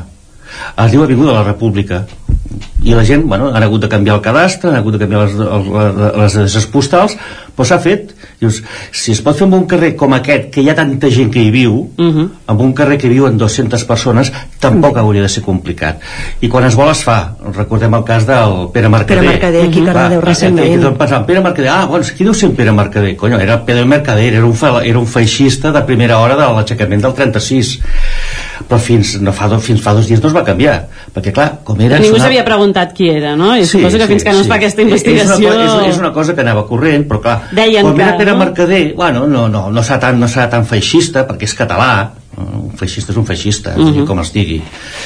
Bueno, si es vol es poden canviar els noms, si vol es poden adequar el nomenclàtor. Altra cosa és que es vulgui fer, així de clar, també perquè la gent té el costum de és el carrer Verge del Pilar. Segons el nomenclàtor oficial és Mare de Déu del Pilar o Verge del Carme, Mare de Déu del Carme. Escolta, i la gent segueix dient la Verge del Carme, el calle de Virgen del Carmen Clar. fins que sortim els, els historiadors que diuen no, no hi ha verges a Catalunya són mares de Déu. Que també les fem aquestes coses de... acaba sent un tema popular escolta tu. Que bo. Sí, sí, sí, sí. sí. però mireu, i ara quan, quan estàvem parlant més no, no m'hi havia parat a pensar mai clar, estem parlant del nomenclàtor el nomenclàtor és un nom d'home sobretot però, però ara pensava en noms de cases per exemple i cases aquí a Cardedeu d'estiuejants de principis del 1900 són cases femenines uh -huh. perquè la casa és femenina i era la dona la que l'ocupava i llavors el nom de la casa és en femení, en femení. Sí, sí. Vila Paquita, el Caria Cloèlia la Torre Montserrat dius, ostres... Però això té a veure amb el concepte casa o hi ha alguna història més Jo romàntica darrere? Igual soc jo, eh, que em poso romàntica fàcil. De... amb el concepte casa la dona era la que s'estava a la casa d'estiueig no, no l'home, l'home anava i tornava I és com no que sé, és és que la no m'havia que plantejat feia- mai, ha sigut ara escoltant que m'ha jo fins vingut a cert punt també és com ara em perdonaràs un, un símil bastant salvatge bastant... ara em fas por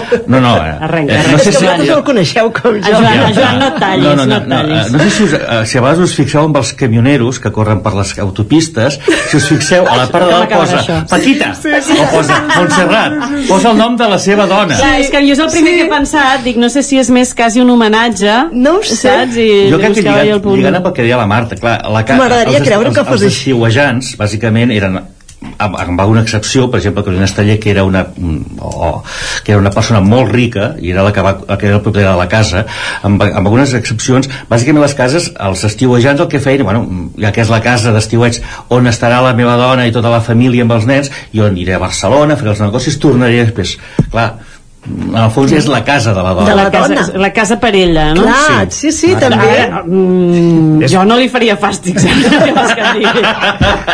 perdonareu dintre d'aquesta- tècnica de, de, de comprar la persona de la forma més tòxica Sí, sí, possible no, vull dir, prefereixo és- això que, que, que un ram de flors a veure, si em dones una casa potser sí que em compres saps? exacte, exacte aquí el tema el, el que d'alguna manera jo tinc el dubte i sembla que d'aquestes coses dels noms dels carrers i tal no? segurament hi ha molta gent quan s'intenten fer canvis en aquest sentit segur que molta gent deu pensar, bueno, quina tonteria, no? Ara, per què, per què és necessari o fins a quin punt això afecta ara un moviment més igualitari de gènere?